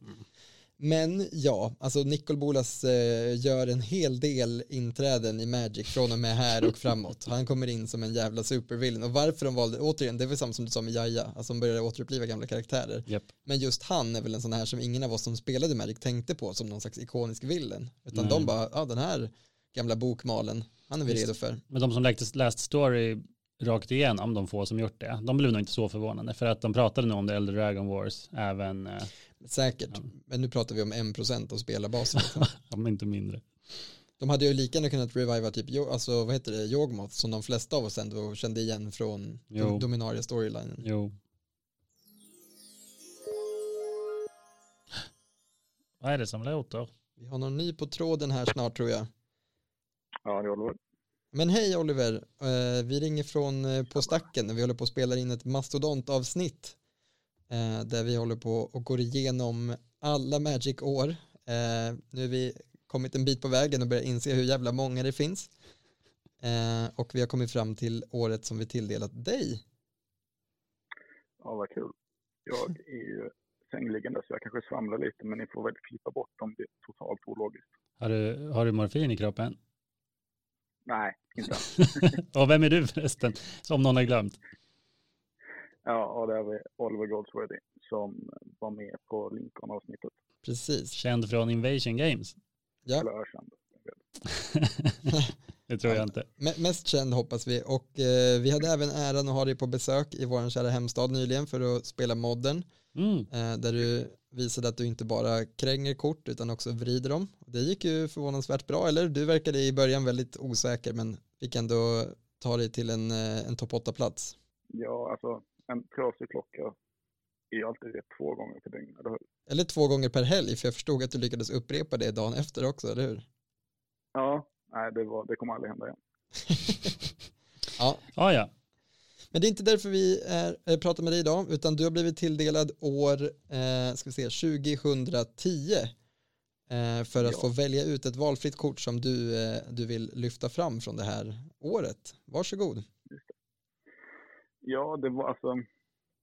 Egentligen var jag inte jättetaggad på 2010 som jag spelade Magic alls. förlåt. Så jag hade liksom ingenting att relatera till. Men sen så började det liksom sjunka in. Och så insåg jag just det, 2010, det var startskottet för Modern som är mitt eh, favoritformat. Eh, och så började jag kolla lite, om vad hände då 2010? Och så just det, det hände ju faktiskt ganska roliga grejer. Det var ju den här kontroversen att vissa kort inte fick vara med i modden för att de ansågs för eh, power creepiga. Eh, De var ju bannade i standard då, då var den tiden också för bra för modden. Så att modden var ju typ mm, alltså väldigt litet mått då. Mm. Men sen så insåg jag att det här årtalet kanske var sjukt utstuderat från ett håll eftersom vi hade den här topp 10-listan på det långa poddavsnittet. Eh, där vi snackade toppkortet till UV-kontroll. Ja. Och jag tänkte att ni valde 2010 bara för att jag skulle välja Jace Mind. Eh, för att när jag gick igenom de olika sätten så var det liksom så här, ja, okej, World Wake finns, Rise of Eldrazi finns, det finns typ M, var det M11, M11 eller Mhm, M10. mhm. Ehm, och ehm, Scars World också. Wake var ju World Wake var ju det sättet som jag har absolut mest favoritkort i. Ehm, och blir typ alltid glad när jag hittat common från World Wake. Jag vet inte varför det känns premium att hitta ett common från Mhm. World Wake. Ehm, men det, det föll mellan två kort. För det ena som jag inte valde var, ja nu fick jag brains freeze, det gröna som tar bort eh, artefacting-chanserna så får man fel ja, ja, Nature Claim. Ja, precis. Eftersom jag älskar kombolekar så det är liksom det kortet jag har spelat mest typ i Mm. alla lekar. För att jag alltid behövt försvara mig mot, Hatkorten eh, ja. mot hatkorten, liksom alla leylines eh, och eh, massa sånt. Men det föll ändå på, eh, på Mr. Jace. Mm. Mhm. Eh, för att jag har en, jag har en hatrelation till det kortet. Han, han vinner ju matcher eh, av sig själv, men typ inte alltid genom mig. För att jag tycker, och det nämnde jag också i podden, att han är så jävla svår att spela tycker jag. Ehm, för att jag, jag älskar kombo för att jag hatar att ta väldigt långa beslut fram i tiden. Och det måste man typ göra med Jace. Eftersom allt, eller allt, jag är dålig på att brainstorma. Mm. eh, generellt. Ehm, och så är det alltid så att, ja men när man spelar Jace, det finns det bara en matchup som jag egentligen tycker att han inte är Winmore och det är typ i typ Control Mirror när han liksom bara vinner matchen åt det för att det står vägen liksom. Ja. Men Visst. spelar man en Jace och han får överleva så har det förmodligen redan vunnit. Antingen måste det studsa en gubbe och då dör han av någon, någon liten skadegubbe. Mm. Eh, eller så måste du i panik brainstorma eh, och då kanske du redan har förlorat. Liksom. Så, ja, jag tycker han är svår att spela. Och, eh, men eh, Ja, visst, men när han kom så var han ju den bästa planeswalkern någonsin och han höll ju den titeln ganska länge, eller hur? ja, ja, ja, ja, absolut. Alltså, han blev ju anbannad när jag kom tillbaka till Magic. Jag spelade inte 2010 och började inte spela egentligen 2018. Mm. Han blev ju anbannad där på våren, en gång precis innan. Dominaria kom. Mm. Eh, och då gled han ju rakt in i blåvitt kontroller tillsammans med Modden fick ju både fem månader till Fury och Jace liksom i en tidig julklapp. Mm. Ehm, Han spelas väl i en del sideboards nu tror jag också, förutom UV-kontroll. Han spelas typ i blå-röda, vad heter det? Jag tror i alla fall att de kör honom, alltså de här, eh, del, vad fan heter. Murk- Murktide kör i en Ja, i brädan Murktide. ganska ofta. ja, absolut. Eh, Mm. Sen har jag faktiskt sett, eh, jag hade en kompis som spelade i eh, LMS Paris. Eh, och då hade han en Jace i sin fyra eller femfärgade Rhino-släck. Då hade han en i brädan också. Så att eh, han används som ett litet eh, gosedjur lite överallt. Japp. Att, eh, Måste nästan, vinna kontrollmatchen. måste nästan flika in också och nämna att Jace var ju också känd för att vara en av de få kort som blivit bannade i standard på sin tid. Det var länge sedan då när han bannades. Eh, Och det blev han ju för att han var en del av en helt otroligt ökänd standardlek, alltså K-Blade, som då använde Stoneforge Mystic också från det här året. Eh, Och Jace tillsammans med massa små fåglar som höll i svärd från Scars-blocket. Just det, den fågeln som hittar andra med samma namn så att du fick liksom en 1 som drar tre kort i princip. Ja, och det är väl en av de lekarna. Det finns väl få lekar. Det är väl typ Eldrazi Summer och sen så var det Carblade som hade 80 procent eh, meta typ Japp. när den spelades. Ja, det är lite mycket. Ja, det var ganska Ja. störigt faktiskt. Ja, men spännande. Jag måste bara fråga, var du, var du inne på att välja någon av titanerna från eh, M11? Nej, faktiskt inte. Eh, jag har liksom ingen relation eh, till dem. Det är väl... Alltså jag vet inte om jag kan alla titanerna. Den grö, alltså, Primeval Titan är ju Ja. såklart den, är den man tänker på först. Ja. Sen så, ni får nog, ja den, uh, Sundering Titan är ju en artefakt. Ja, den är inte den cykeln. Nej, nej, precis. Men det vita är väl den som tar tillbaka en gubbe i ett spel. ja, exakt, Sun Sun Titan. Titan. Och sen Ja. finns det en blå Sun- som ja, precis. tappar skit och det finns en röd som bränner skit och en svart som gör massa zombies. Men ja, nej, Ja, Just det, den svarta har jag ju faktiskt spelat med i Legacy. I, uh, I Legacy. Nej. Ja. jo, Ja. nej, men Grave Titan heter den väl? Ja, exakt. Ja, exakt. Ja Nej, de, är, nice. de är också fairly iconic. Men det var, det var ett jävla år för Magic. Hög power level igen. Vi är tillbaka Ja. i, i, på väg uppåt i power level helt klart. Och det, den kommer gå upp och gå ner ett par gånger till innan vi är i dagens, eh, dagens år. Men ehm, ja. Mm. Då så. har du något mer du vill tillägga om 2010 innan vi går vidare? Nej, egentligen inte. Eh, inte Magic-mässigt. Eh, har jag väl. vad, vad har du att tillägga om ditt privatliv? ja, precis. Nej, ja. Det var ganska kul privat. Sådär. Då var man ju fortfarande singel och levde livet. Ja, det Man var borde ungdomens glansdagar. Ja, men exakt. Det är då jag borde ha svingat Jace. Liksom. När, jag, när jag hade liksom infinite med tid. Mm. Ja, verkligen. Mind Det var då man hade chansen. Då hade man fortfarande chansen till Pro Tour. Ja, faktiskt. Nu Exakt. Ja, den tiden förbi. Ja, innan hjärnan blev mos. Ja, mm. Ja, vi tackar supermycket för att du har valt att förgylla vår podcast ännu en gång och ser fram emot nästa besök. Mm. Stort tack. Ja, krya på dig också för fan. Ja, det ska jag göra. Mm. No time to days kanske man ska säga. Vi är tillbaka efter en eh, kaffepåfyllning och eh, jag skulle kunna tro, är det här typ det året som du kanske började dricka kaffe? Eller var du en väldigt tidig kaffedrickare? Inte väldigt, men eh, ja, kanske. 2011.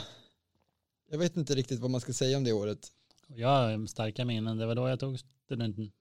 Jag eh, blev, eh, ja, det här var vilda år i mitt liv eh, på många sätt. Mm. Eh, men jag spelade jävligt mycket Magic också. Som kanske det som höll mig vid liv, vem vet. Det pratade vi om i avsnitt sju, Ja, om gemenskap. Och i vår andra podd. Nej, nej vi har inte. Ja. Yes. Eh, vad, vi- vilket kort har du valt 2011? Set, Ja. Sätten är ju M12 Besieged, Euphorexia och sen så får vi även första gången, det är mycket bangers till set, alltså de planesen de här gör här. Ja. Uff. Inistrad. Ja jävlar. Ja det är väldigt, eh, det är väldigt vad heter det, maxade sätt här. Det kan man lugnt säga. Alltså, ja, det är, Inistrad slutade ju som en av de, om inte det som har röstats fram som det bästa sättet någonsin. Uh, de lyckades perfekt med det här med att uh, ta ett tema, alltså Gothic Horror, och göra något av det gameplaymässigt. De introducerade transformkort.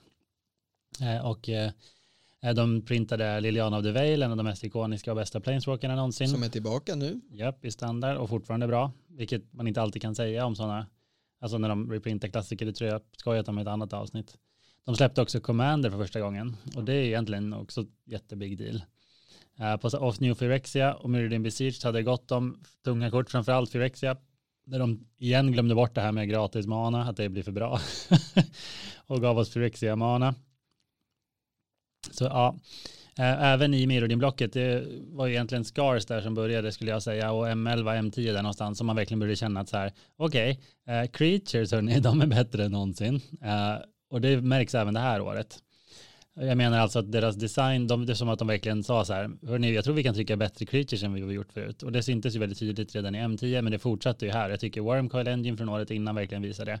Jag tycker också att Hero of Blade Hold verkligen visar det, eh, vilket är ett kort som inte sett särskilt mycket spel. Men eh, om man tar liksom en Magic-spelare från, eh, ja men den, jag själv från 2003 och hade visat mig Hero of Blade Hold så hade man bara, what?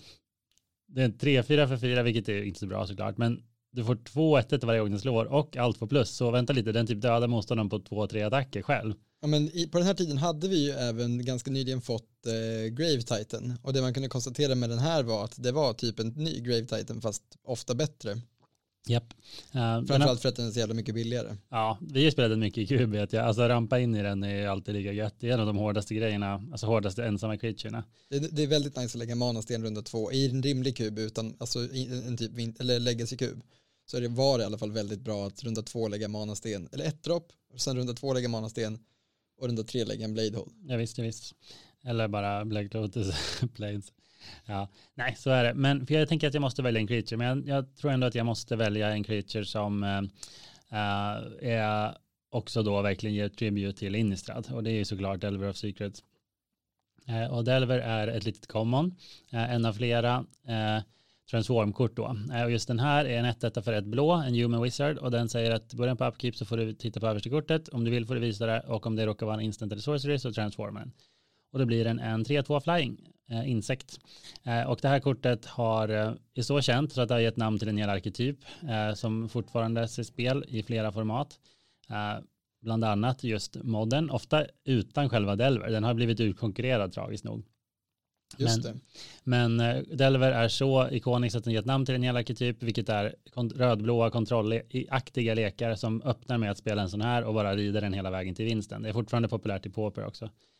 Eh, det visade sig i alla fall att även om du måste jobba för det, vilket är då att flippa den, så är en 3-2 flying för ett förbannat bra.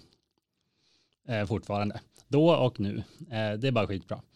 Eh, och, men anledningen att jag ändå landade i den här inte bara hur bra den är och hur mycket den spelats, utan också för att den faktiskt är också så jävla cool. Ja, verkligen. Det glöms riktigt, ofta. riktigt ball. Det glöms faktiskt bort tycker jag ibland när man pratar om, om, kort som är powerful, för då pratar man så mycket om det. Så man glömmer credda dem för att de också är ascoola. Eh, och det här är ju det, det här är ju då en av många referenser till skräcklitteratur och film. Eh, och i det här fallet är det ju flugan då. Mm. Alltså den galna vetenskapsmannen som bör sluta med att han experimenterar på, på sig själv. För att eh, han hittar inga testsubjekt. eh, och det är det vi ser här.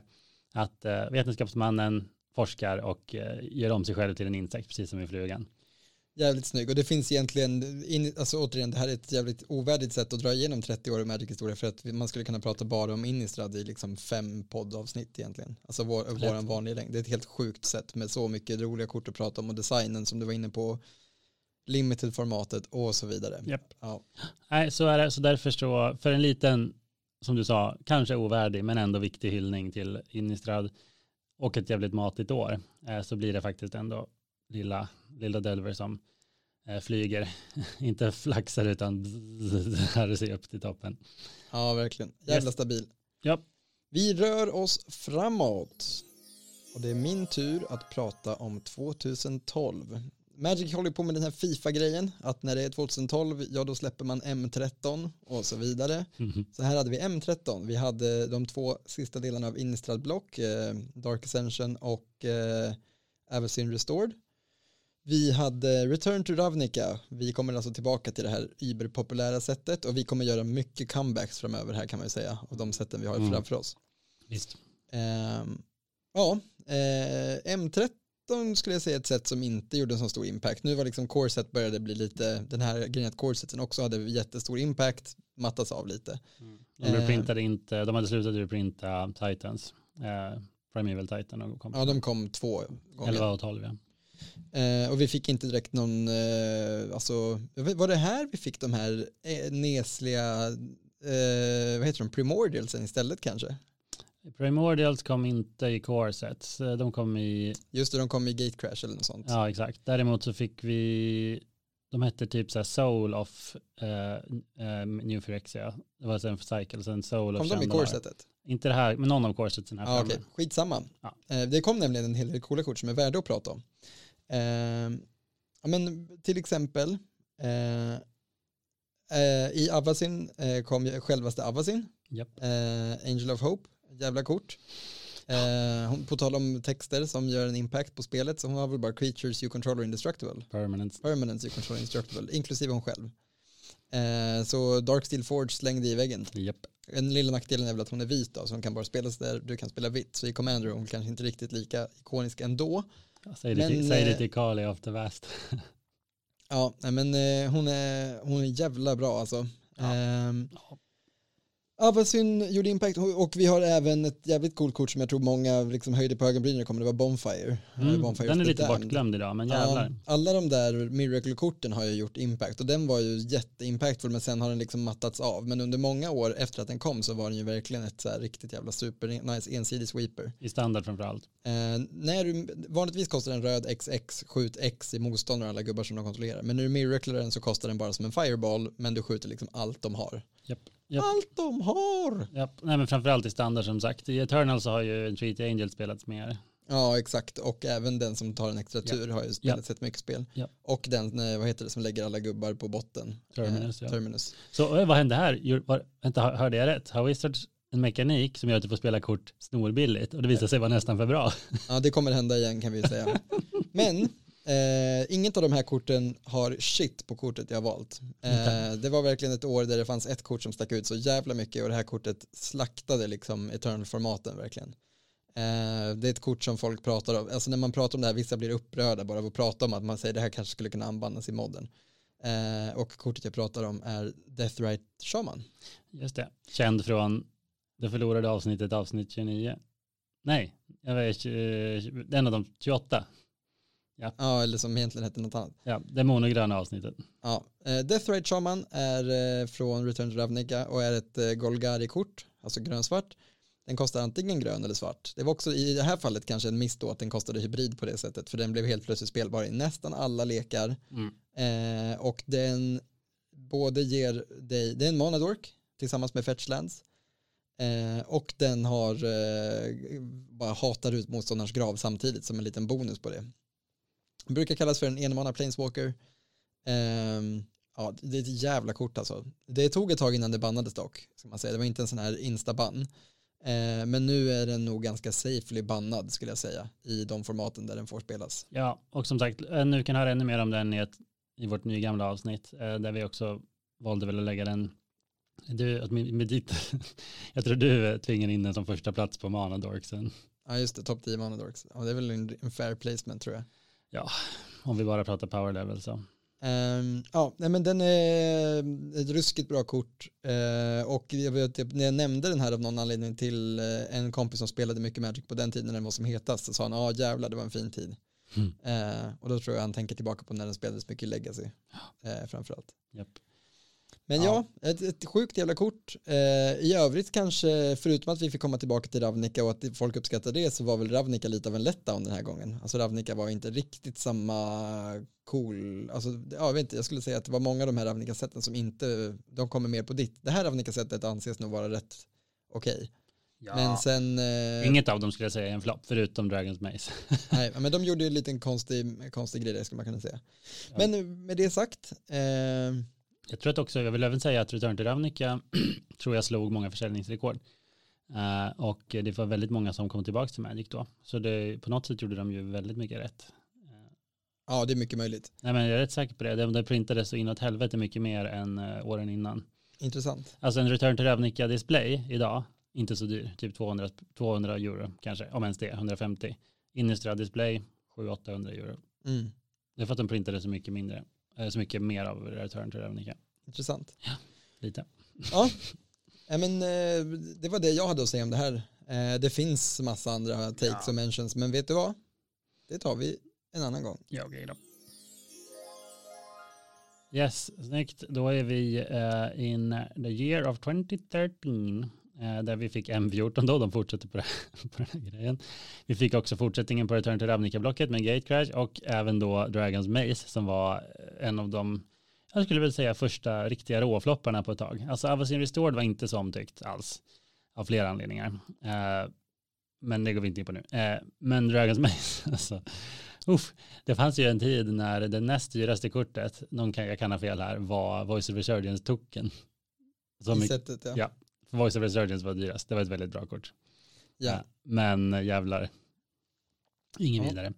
Eh, så är det. Eh, och eh, vad hände mer här? Jo, eh, Commander hade ju fått upp takten och det började släppas Commander-lekar varje år. Eh, som sen nu i, idag känns ju det, inte sk- kanske skrattretande, bara, va? bara ett stort Commander-släpp per år. What? Men så var det. Eh, och det, det här var också det år som jag skulle säga att de tog ut svängarna kanske lite för mycket med Commander. Faktiskt. Uh, jag vill också nämna en till honorable mention uh, och det är uh, gudarna ifrån Theros-blocket, för det började då också.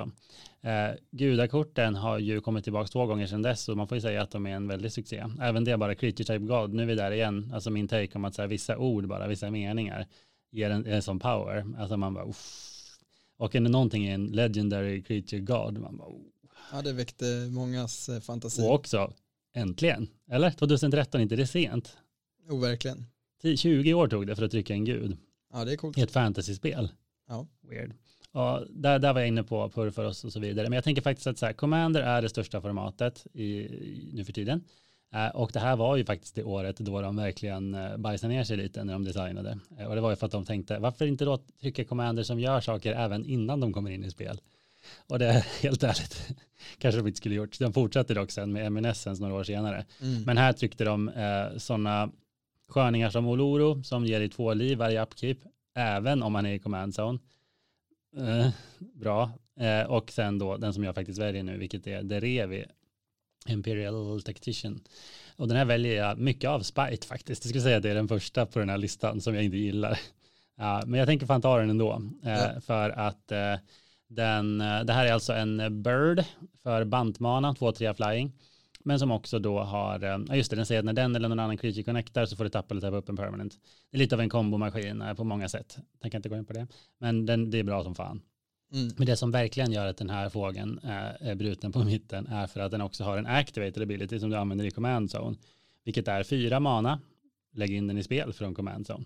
Så den struntar helt enkelt i commander tax. Eh, och vi hade ju en topp 10-lista med commanders vi ogillar, eller hur? Eh, Säkert. Jo, men det har vi haft. Eh, de, I vårt avsnitt om alltså hur, du, hur folk borde spela Commander. ja, vi är så ödmjuka. Oj, oj, oj. Eh, men jag, det är lite samma tema här. Någonting hände ju när man tog Commander, en av Commanders regler, alltså att saker kostar två mer när de dör och bara struntade i det. Det blev inte bra. Eh, eller ja, det blev inte kul. Eh, och han är tyvärr ett exempel på det. Nej. Eh, men vi ska, så därför så bara så här, här tror jag, jag ska säga att det här var första gången de gjorde en riktig tabbe när de designade Commanders. Jag, tycker att de har vänt trenden nu. Jag tycker de är mycket bättre legender nu som är med roligare teman eh, och som fyller en nisch och som ger mycket mer svår att bygga runt. Mm. Fortfarande starka, men det här var tråkigt på ett sätt som det inte borde ha varit. Med det sagt ska jag inte snacka skit om 2013. Som sagt, Theros var ascoolt. Toppen. Gate Crash, inget fel på det. Ja. Good stuff. Verkligen. Ja, eh, det är... Eh,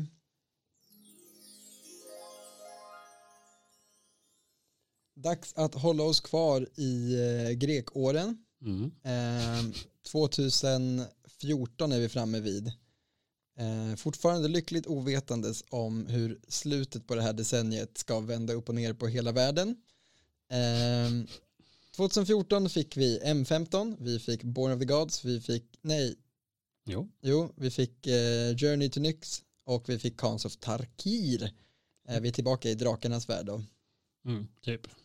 Eh, kort som jag kikade lite på eh, var dels ett kort som jag spelat ganska mycket för jag har spelat en del Burn och då har man eh, kortet eh, Eidolon of the Great Revel Just det. som säger, ja det är en röd spel som är rätt bra som gör att varje gång de spelar en billig spel att skjuta den två på dem. Ja. En enchantment creature. En enchantment creature också, det var en grej som kom här. Ehm, vi hade även Brimas eh, som ett kort som kom här. Just det. En legend som är väldigt, väldigt bra i kub och har varit bra i constructed men idag är han väl lite outshow, vad heter, ja, utskind, Precis. ut, utskinkad. Utskinksketen. Han är i alla fall en, eh, verkligen du har helt rätt, det är en creature som när man läser den man bara wow, wow, wow, wow. Vilken jävla mycket text. Men han, det är en 3-4 för 3 som säger vad han än gör så gör han en 1 som är tapped and attacking eller blocking. Den är tung men inte tung nog och det säger också mycket om Magic. Ja, det har hänt Ja, mycket ja. sedan dess. Ja. Men kortet jag har valt eh, har blivit Treasure Cruise. Ah. Så vi fick, på tal om kort som blir billigare på olika sätt så fick vi en eh, mekanik som hade gjort en entrance förut i form av Tombstalker som heter Delve som är att du kan exile ett kort från din grav och sänka manakostnaden med en generic. Och då tänkte de det här, då kan vi göra extremt dyra kort som ingen kommer, de kommer inte vara för bra. Det kan inte bli för bra. Jag får bara till att ha en väldigt, En måste, måste hög fixera kostnad. Väldigt till exempel en blå och sju för att dra tre kort. Ja. Det kan ju inte vara för bra. Och så visar det sig att i format där man kan fylla upp sin grav snabbt så var det absolut alldeles för bra. Och den är ju jättebra även i till exempel Pioneer som inte ens har mycket fetchar. Nej, och där är den ju en av de få ställen där den är legal. Eh, Exakt, för där är det okej. Den är till och med Den är bra. till och med restriktad i vintage, vilket är helt insane. Så det är Så- samma format som Ancestral Recall som är originalet. Ja, Båda är restricted, fast den ena kostar sju mer. ja. Det är, det är ganska Eh, roligt. Så vi fick den, vi fick en del andra väldigt, väldigt bra delvkort. Ja. Eh, en del creatures också som har gjort en impact. Så jag tänker Delves i allmänhet, men framförallt kanske den här sticker ut mest. Jag kommer ihåg när Pioneer mest. kom att en av de stora sakerna man pratar om var vad ska Treasure Cruise vara eh, unbannad? Japp. Kommer det funka? Ja. Tydligen helt okej. Mm, mm. Eh, Det jag- visade sig ju sen att de, de tyckte att Delv var så lagom så de gjorde ju det igen sen apropå ett annat bra blått kort som var Delv som kom senare. som eh, har döpt om Delver-leken så bra. Ja, ja, ja, just det, Murktide. Ja, ja. Eh, men det kom i, åtminstone inte i ett standardset. Eh, Nej, tur det. Men Murktide har också gjort en jävla splash så att säga. Mm. Eh, den har i alla fall den goda smaken att kosta två blå. Ja, Jätterimlig. de balanserade det. Eh, nej men eh, fan jävla sjukt, sjukt kort. Ganska hög power levels ändå på Kans. Vi fick också tillbaka fetchländerna. Yep. Kans lät oss, det blev lite, lite billigare med onslaught fetchar. Nu är de ganska dyra igen.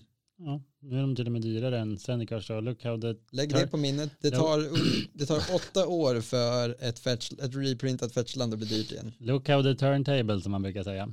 Eh, exakt. Allra sista jag måste säga om det året är att eh, här måste man också vara lite peta lite på dem och säga att eh, Born of the Gods och Journey to Nyx sög ju verkligen båda två. Ja, det var lite olika multicolored gudar. Vem bryr sig? Keranos var fett cool. Det de några var coola, gudarna var coola. Men Ja. säg ett annat kort, säg Ja. ett annat kort. Exakt, förutom Eidolon. Och Brimas. Det var det. Det var det. Kans var också, det var dock ett toppen set, helt ärligt. Ja, Kons delar dock det grejen att första setet, banger. De Mm. två andra sätten, inte Ja. lika banger. Nej, som Theros då, så det var samma Jag skit. menar det, att de de fortsätter med den, vilket känns väldigt true mot hur Magic var förut, att det kom ett banger-set och sen kom det två set som man inte var lika taggad på. Kanske därför de också ändrade strukturen. Mycket möjligt, mycket möjligt. För du börjar närma dig eh, framtiden här. Ja. Eh, och det är dags för 2015.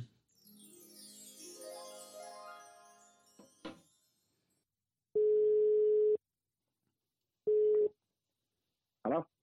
Ja men hallå, är det en eh, hårt tränande ung man vi har på tråden här kanske? Så är det. Vi ringer från På, Stock, på, på Stocken Podcast. På.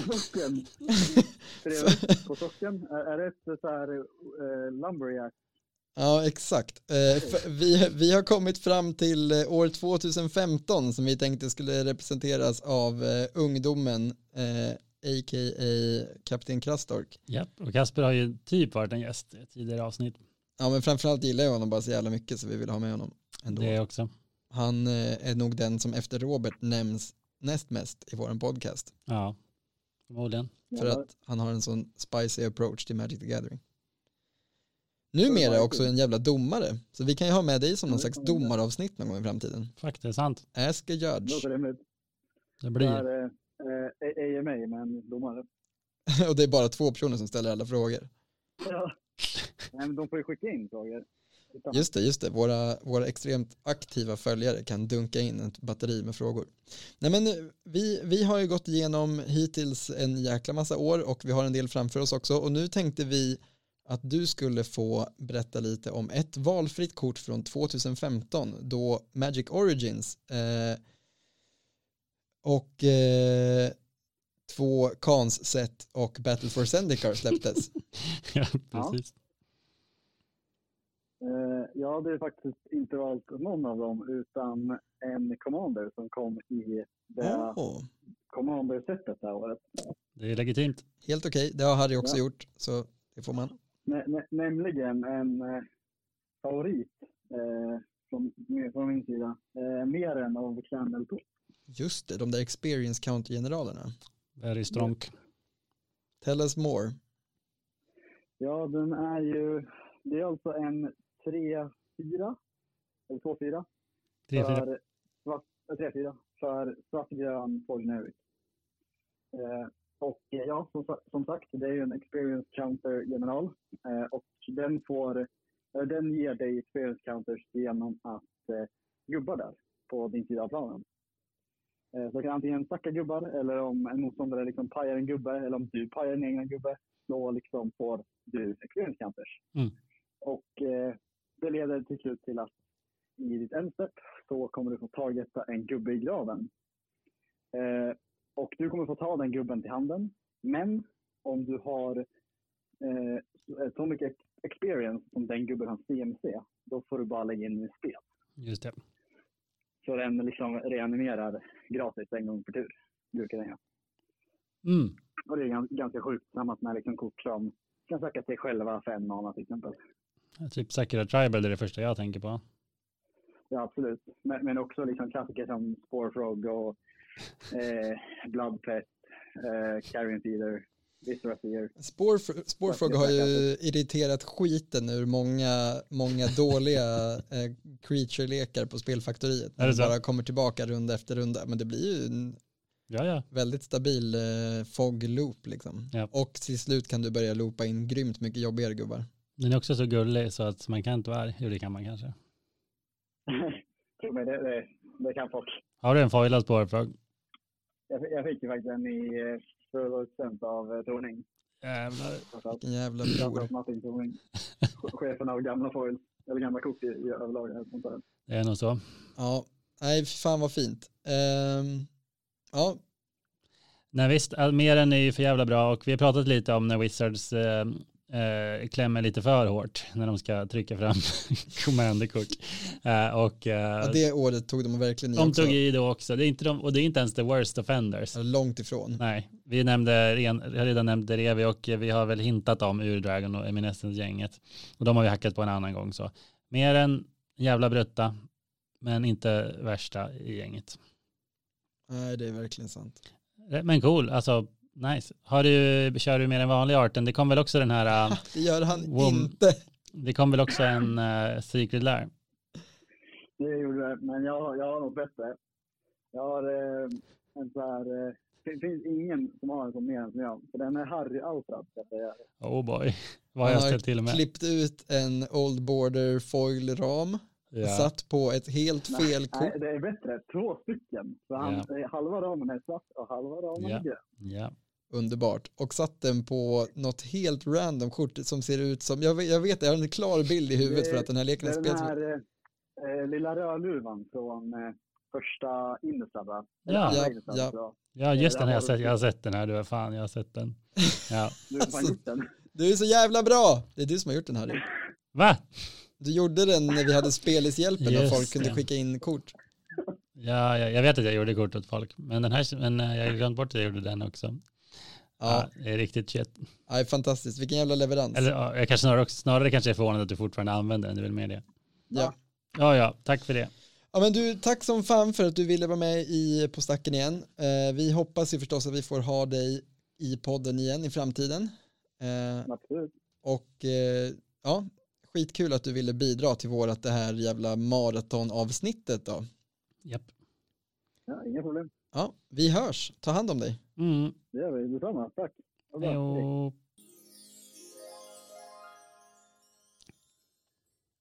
Och då är vi på väg in i 2016. Japp. Vi börjar närma oss dagens eh, fina datum. Du menar 2022? Jajamän. Ja, jag tänkte om det var ett annat datum som, som var viktigt här. Nej, förlåt. Ja, Jag låter dig ta, ta ratten här. då. Ja, ja, precis. Ehm, yes, och i det här året så fick vi fortsättningen på Battle for Zendikar-blocket genom Oath of the Gatewatch.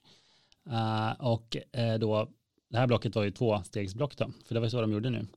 Uh, vi fick också en återkomst till Innistrad genom Shadows och uh, Eldritch Moon. Och vi hann dessutom med ett nytt början på ett nytt artefaktset, uh, eller block då, det var Kaladesh. Så en hel del grejer här. Vad ska man ens börja? Jo, Shadows, bra sätt, folk gillar det, men den kanske inte är riktigt up there med originalet. Eldritch Moon var ju då det stora Lovecraftianska sättet, vilket du och jag gillar.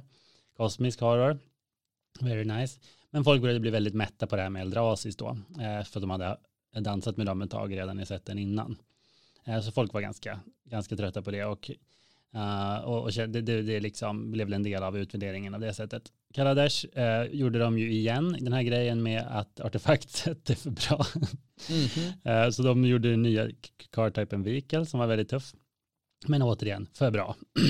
så, Ja, det kom väldigt många brutna artefacts. Ja, exakt. Energy-mekaniken också. Båda har gått inför hösten där typ taglinen för hela sättet är the most powerful artifact ever. Yay. Ja, exakt. Man bävar faktiskt. På med era hängslen. Ja. Eh, jag tänkte skulle välja en av mina favoritkort, 22 Torch of Defiance, eh, men jag tycker inte riktigt den, den kunde egentligen kommit i vilket sätt som helst. Den har ingenting att göra med den här, med det här året. Alltså det bara råkade vara på Kaladesh. Eller förstår du lite vad jag menar? Men hon är den Chandra vi förtjänar. Den bästa Chandra i de flesta fall. Eh, och förbannat coolt kort och otroligt bra. Eh, toppen. Men som sagt, jag pratar mer om den en annan gång. Eh, här var också ett år där commanderlekarna var för bra ibland, vissa av dem i alla fall. Atraxa framförallt stod väl ut, det var de fyrfärgade Ja, just det. Ja, hon var rätt okej. Ja, eller hur? Proliferate två gånger i slutet på varje tur. En gång bara, men eh, Ja, hon var bra i alla fall. ja, men pushat på alla sätt liksom. Jag var nästan sugen på att fuska och välja Masterpiece Solring, för den kan man få i Kaladesh. för att det är den mest blingade versionen av det mest, eh, ja, förutom alfa möjligtvis, men blingade versionen av det mest spelade commanderkortet. Eh, och en, den skvallrar lite också om vad de skulle hålla på med framöver, med special arts eh, som är sällsynta. Men det är en reprint så det är fusk. Eh, jag tänker faktiskt istället ta något helt annat och det är eh, Emrakul, The Promised End. För att jag känner att någon måste prata om Emrakul. Mm. och det har vi inte gjort än. Vi gjorde inte det på Rise of the Eldrazi, för då pratade vi om Jace istället. Eller ja, Oliver gjorde. Jajamän. och så därför tar jag det här. Några av de största bad boysen and girlsen, eller vad man nu har för kön, eh, i Magics eh, historia, framförallt moderna historia, är ju Eldrasis då, deras kosmisk Horror monster. Gigantiska tentakelgudar från The Blind Eternities. Eh, och biggest and baddest of them all är ju då Emrakul. Den värsta versionen av henne eller henne eller så är ju dock inte den här, men den här är faktiskt den som blev bannad. Den var så bra så den blev bannad. Hur som helst, 13-13, rätt fet, flying, protect from instance tror jag, för 13 mana också, men Ja. kostar ett mindre för varje card type i graven. Lite som gamla Goifen. Eh, men eh, så är det. Så du millar dig själv. Igen det här med självmillen och delv. och- ach, Det blir aldrig bra. Det blir för bra. Det är för lätt att milla sig själv. Det är väl det som är läxan. Men Emrakul i alla fall. När den kastas så får du ta kontroll över motståndarens tur. Också en rad på ett kort som är väldigt skräckinjagande. Ja, De får en extra tur, så de, du får fucka upp dem på en tur och sen så får de förs försöka reparera. Så det är inte riktigt lika backbreaking, eller inte alls lika backbreaking som en Mindslaver. Men det spelar typ ingen roll. för först du kan liksom ta bort alla deras removal och grejer så att när de väl får ta sin tur så måste de topptäcka ett svar på Emrakul, ja. ja. Emrakul som redan är väldigt svår att svara på. Ja, exakt så. Och dessutom så kan du döda deras bästa creature genom att du attackerar med den in i Emrakul och blockar med en 13-13. Ja, Eh, löjligt bra. Men även här, när man pratar om power level på kort så glömmer man bort också hur coola de är. Alltså, Jajamän. det var ett jätte, alltså hur toppar man original Emrakul? Det kan man inte. Och de, jag är glad att de inte försökte. De gjorde något helt annat. Som spelade in i gravtemat, som fortfarande känns väldigt skräckinjagande. och som är mycket spel. Och som ser mycket spel. Eh, Och eh, för mycket då, den blev ju bannad tyvärr. eh, I standard då. Men annars så, så rullar den på. Bilden också ascool. What, what can I say? Det, det är ändå, alltså fan, fett kort ändå. Jävla fett kort. Tack för det. Ja, What's he? Tack och förlåt, eller något sa de.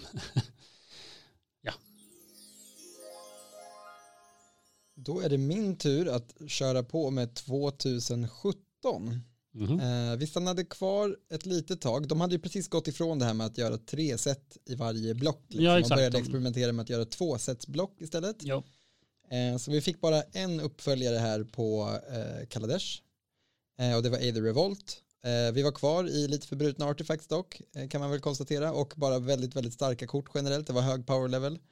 Eh, och det tonade de ändå ner lite när vi kom in i Egypten-temat. Nu var det mycket etniska teman här. Först var vi i typ ett indiskt tema Mm, som inte kanske riktigt kom fram så bra i det sättet. Det var väldigt Mm. mycket fokus på artefactsen. Mm. Men eh, vi rörde oss in i ett som var en mycket mer för hårt fokuserat på Egypten då och Amonkhet som var extremt egyptologiskt eller vad man ska säga. Ja, det är ancient uh, Egyptian mythos and that shit.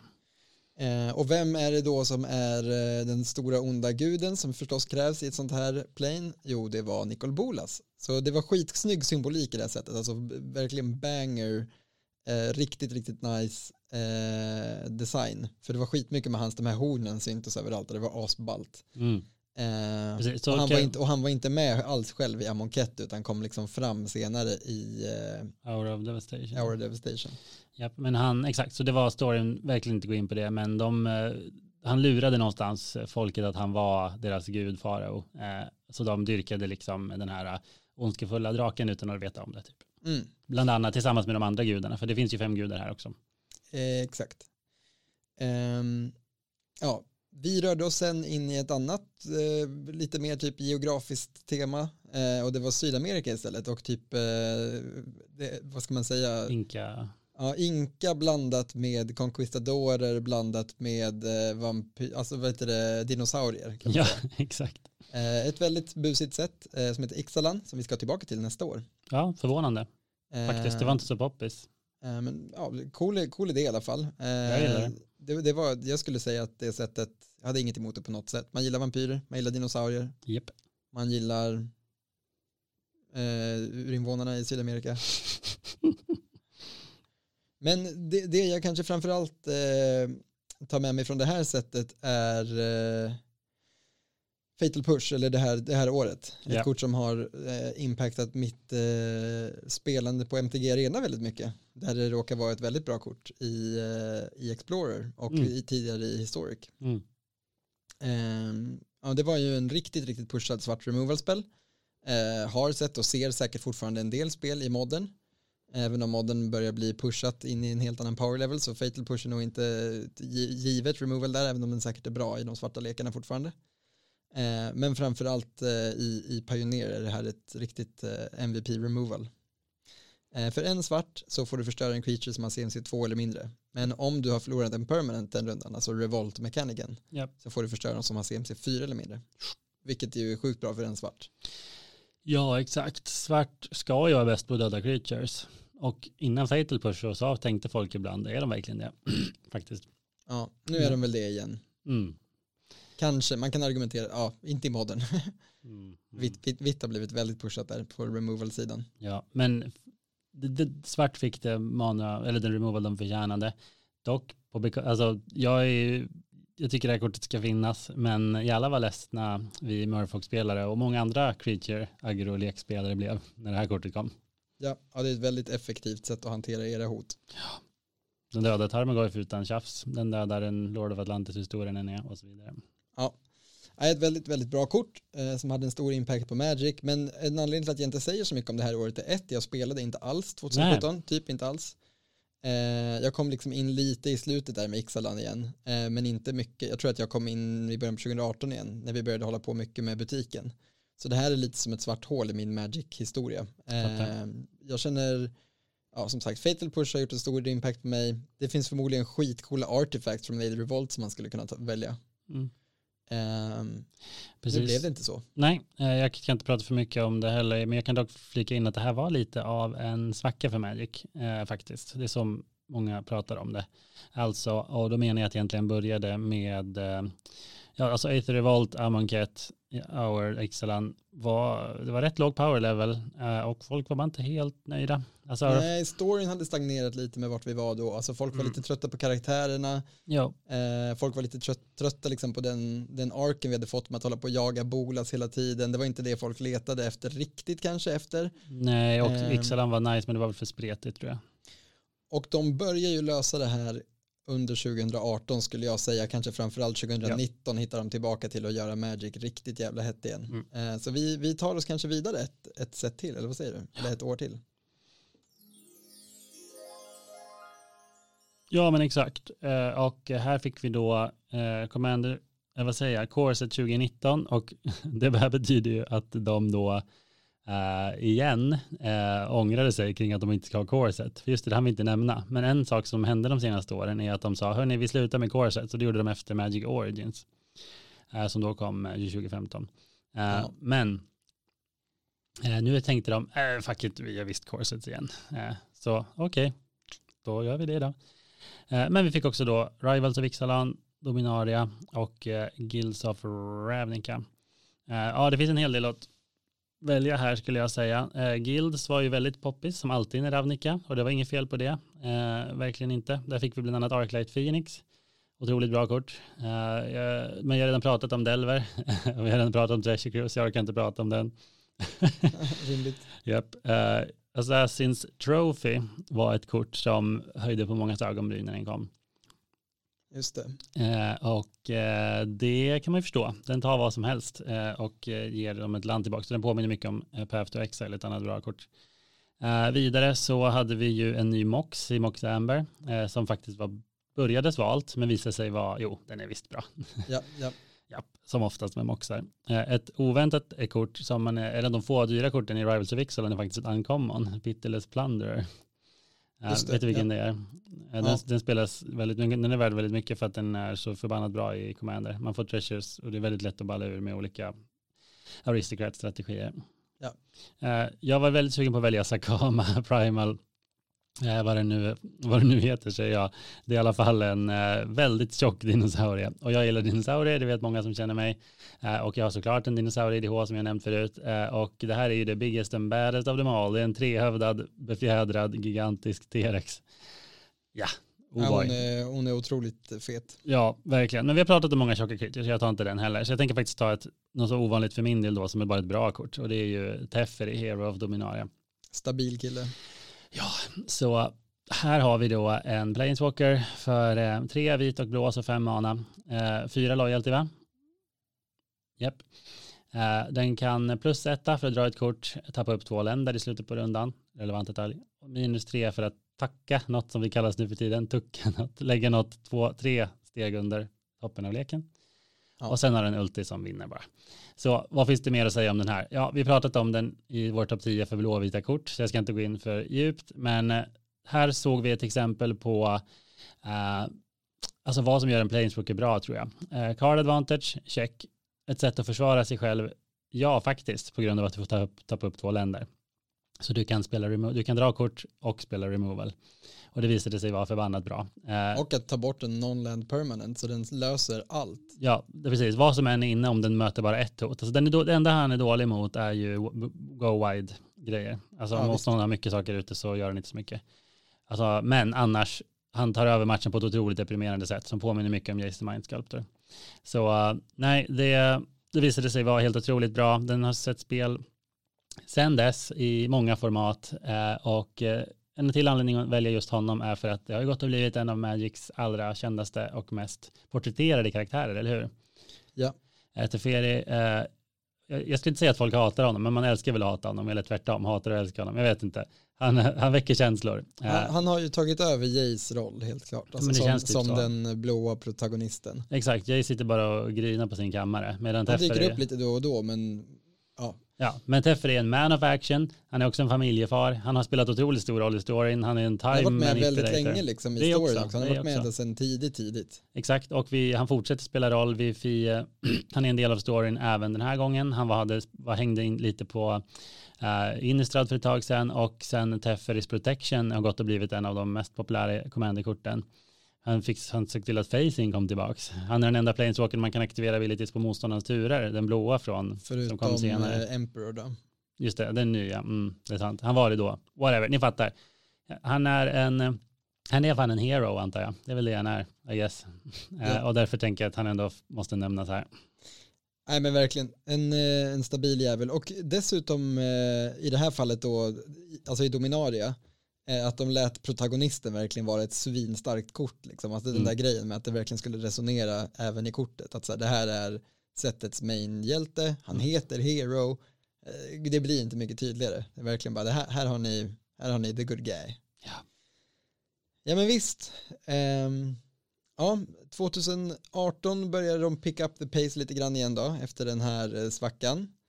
Eh, och sen rör vi oss in i 2019. Eh, 2019 var på många sätt ett, eh, ett speciellt år eh, för Magic. Vi kommer nog kanske framförallt komma ihåg det som vår tids, eller den här tidens Ursa-år liksom. Alltså när Magic power level bara exploderade. Det gick liksom från att ha Ja. varit, hur många år har vi? Alltså egentligen måste vi ta oss hela vägen bak till World Wake va?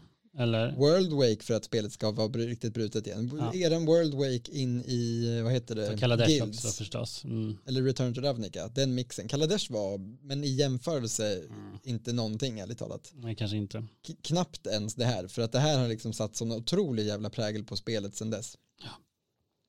Så vi fick eh, två stycken Ravnica-set. De det ena av dem var inte, alltså Allegiance var ju, kan man inte påstå satte någon större impact på spelet. Det som ballade ur först var ju eh, War of the Spark. Ja. Planeswalkers med static abilities har brutit spelet på många sätt. Utan att kanske bannas särskilt ofta, men de har verkligen warpat spelet runt sig på sjukt många sätt. Alltså, kontrollmirrors i modden handlar väldigt mycket om vem som dumpar en Treferi först. Mm. Eh, väldigt många matchups bara dör till en Karn the Great Creator som vi har upptäckt när vi har testspelat lite Legacy. Alltså Ja. min eh, kombolek bara, ja, du droppar Karn. Och då kände du sin artefaktlek. nej, nej men typ, vi har mycket artifact payoffs. ja. Eh, han stänger av alla motståndarnas artifacts. vi, eh, ja det är kanske framförallt de två som sticker ut från det sättet. Men Nej, det men finns, Arset för fan. Narset har varit riktigt, riktigt impactful, gjort stor skillnad. Pioneer nu spelas ju ganska mycket. Eh, är, den, är hon bannad i Legacy? Nej. Nej, men bara väldigt bra. Ja. Spelas mycket i Pioneer precis. Eh, ett jätte, alltså Ashiok, eh, inte så mycket för sin static men bara väldigt stabilt gravhat och en väldigt relevant static. Ja.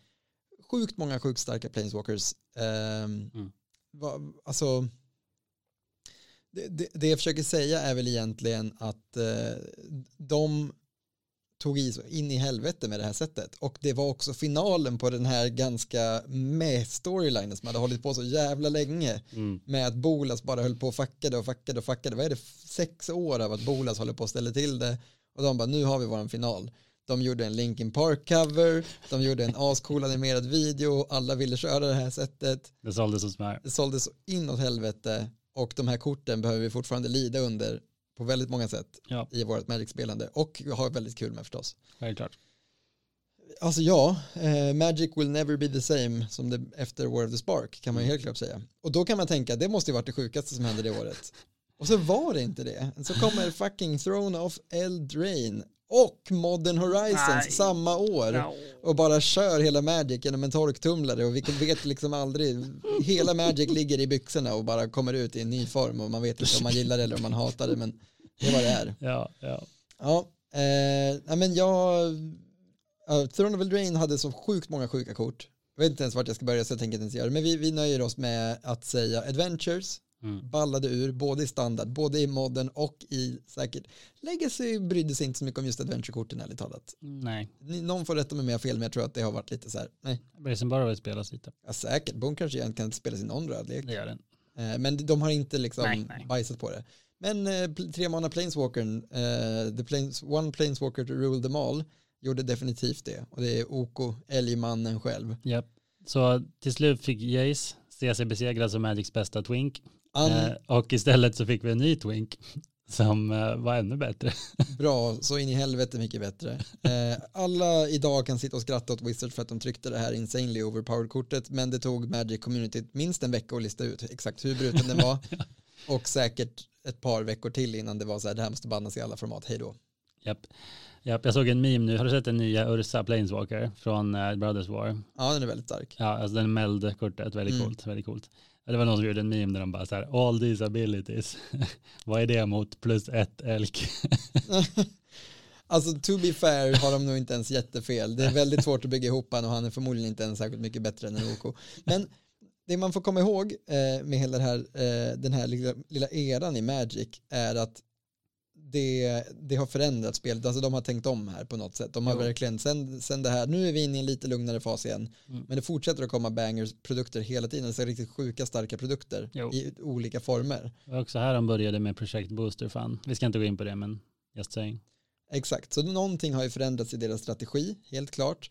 Modern Horizons, återigen då eftersom de andra pratades om, här ritas också Magic om för all framtid på Jo. väldigt många sätt. Eh, vi fick ett eh, constructed, eller liksom, vi fick kort som gick rätt in i modden men som hoppade över standard. Eh, och där trycktes eh, ja, men bland annat Renan 6, ett kort som har bannats i Legacy.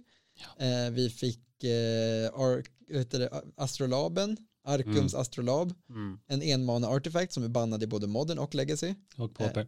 och pauper. Eh, för, ja, för alltså bara spelas i vintage. Eh, skitbra. Också ett sånt kort där man ser det, men ingen kan fatta att det här kommer bannas. Men det, ja, nu är det så jävla bannat. S- ja, skitsamma. Det, det- här sättet rörde om i grytan. Eh, Pact of negation också. Force of negation förstås. Alla forcer. Framförallt Force of Negation och Force of Vigor. Det är väl bara de som är bra. Ritat, om eh, formatet på många sätt, eller många format på många sätt. Ja. Ja, ni, ni hör själva, det här var ett jävla år helt enkelt. Sjukt att man Eh, överlevde. Vi överlevde, eh, bara för att få komma in i ett år som bjöd på helt andra juicy utmaningar i livet. Ja. Men jag vet inte ärligt talat vilket som var värst för mänskligheten. Mm, jag skojar bara, jag älskade nästan alla de här sätten och hade skitkul att Du spela har Magic fortfarande inte valt ett kort va? Jag säger nog pass. Tycker du får inte göra så här. Ja, men det är så jävla mycket, det är så jävla många. Jag bara, eh, pick your, välj en bruten planeswalker själv och det är mitt val. Wow. Jag väljer Rennen 6, jag väljer Treferi och jag väljer OK. wow. Det är du som bryter mot reglerna idag, inte jag. Nu när vi är inne på det 27 året här så känner jag att det är dags. Att börjar bli bli riktigt mör här. Ganska. Ja, och vi, vi skulle ha gjort det här som någon slags charity stream, du vet. För det är en grej eh, på YouTube ibland. Man ska så här, göra något orimligt så länge som möjligt, så länge folk fortsätter skänka pengar till välgörenhet. Då hade vi fått sitta här i 20 minuter istället. Ja, du tror det? Ja, kanske. Vi får göra göra det här igen då. Vi får köra en krona så sitter vi i en minut. Mm. Då kanske vi kan få köra ett tag. Ja, ja. ja men du fattar vad jag menar. Det, Ja, cool man, man blir tröttare menar jag. Medan eh, det, man, man behöver något sånt för att hålla igång. Nej då, det är nice. Men ja, du you said it. Okej då. Ja, jag fuskar helt Du fuskade, enkelt. han Jag fuskade. Ja, vad tyckte ni om det? Han fuskar. Vad tyckte ni om Edvards fusk? Skriv gärna i kommentarerna på någon av våra sociala medieinlägg. Ja, men jag tar gärna emot hatbrev. Var det rätt eller fel att fuska på det viset? Uh, we wanna hear what you think. Men nu, nu- är vi nöjda med det här. Ja. Och så ringer vi upp en ny gäst. Sista kanske.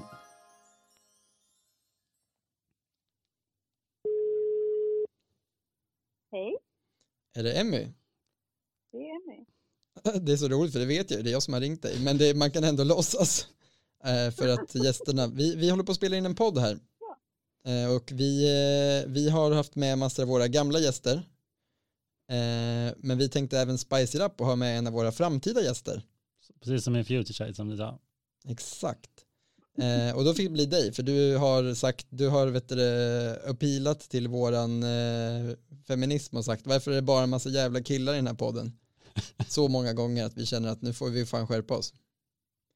Precis, Eh. det finns faktiskt. Tre. Det var bara tre. Du säger inte ens tre i. Det är inte- ens sant om Eskilstuna, men det var tre totalt i världen. Kanske sex Ja. då. Sex, sex plus. Ja, okej.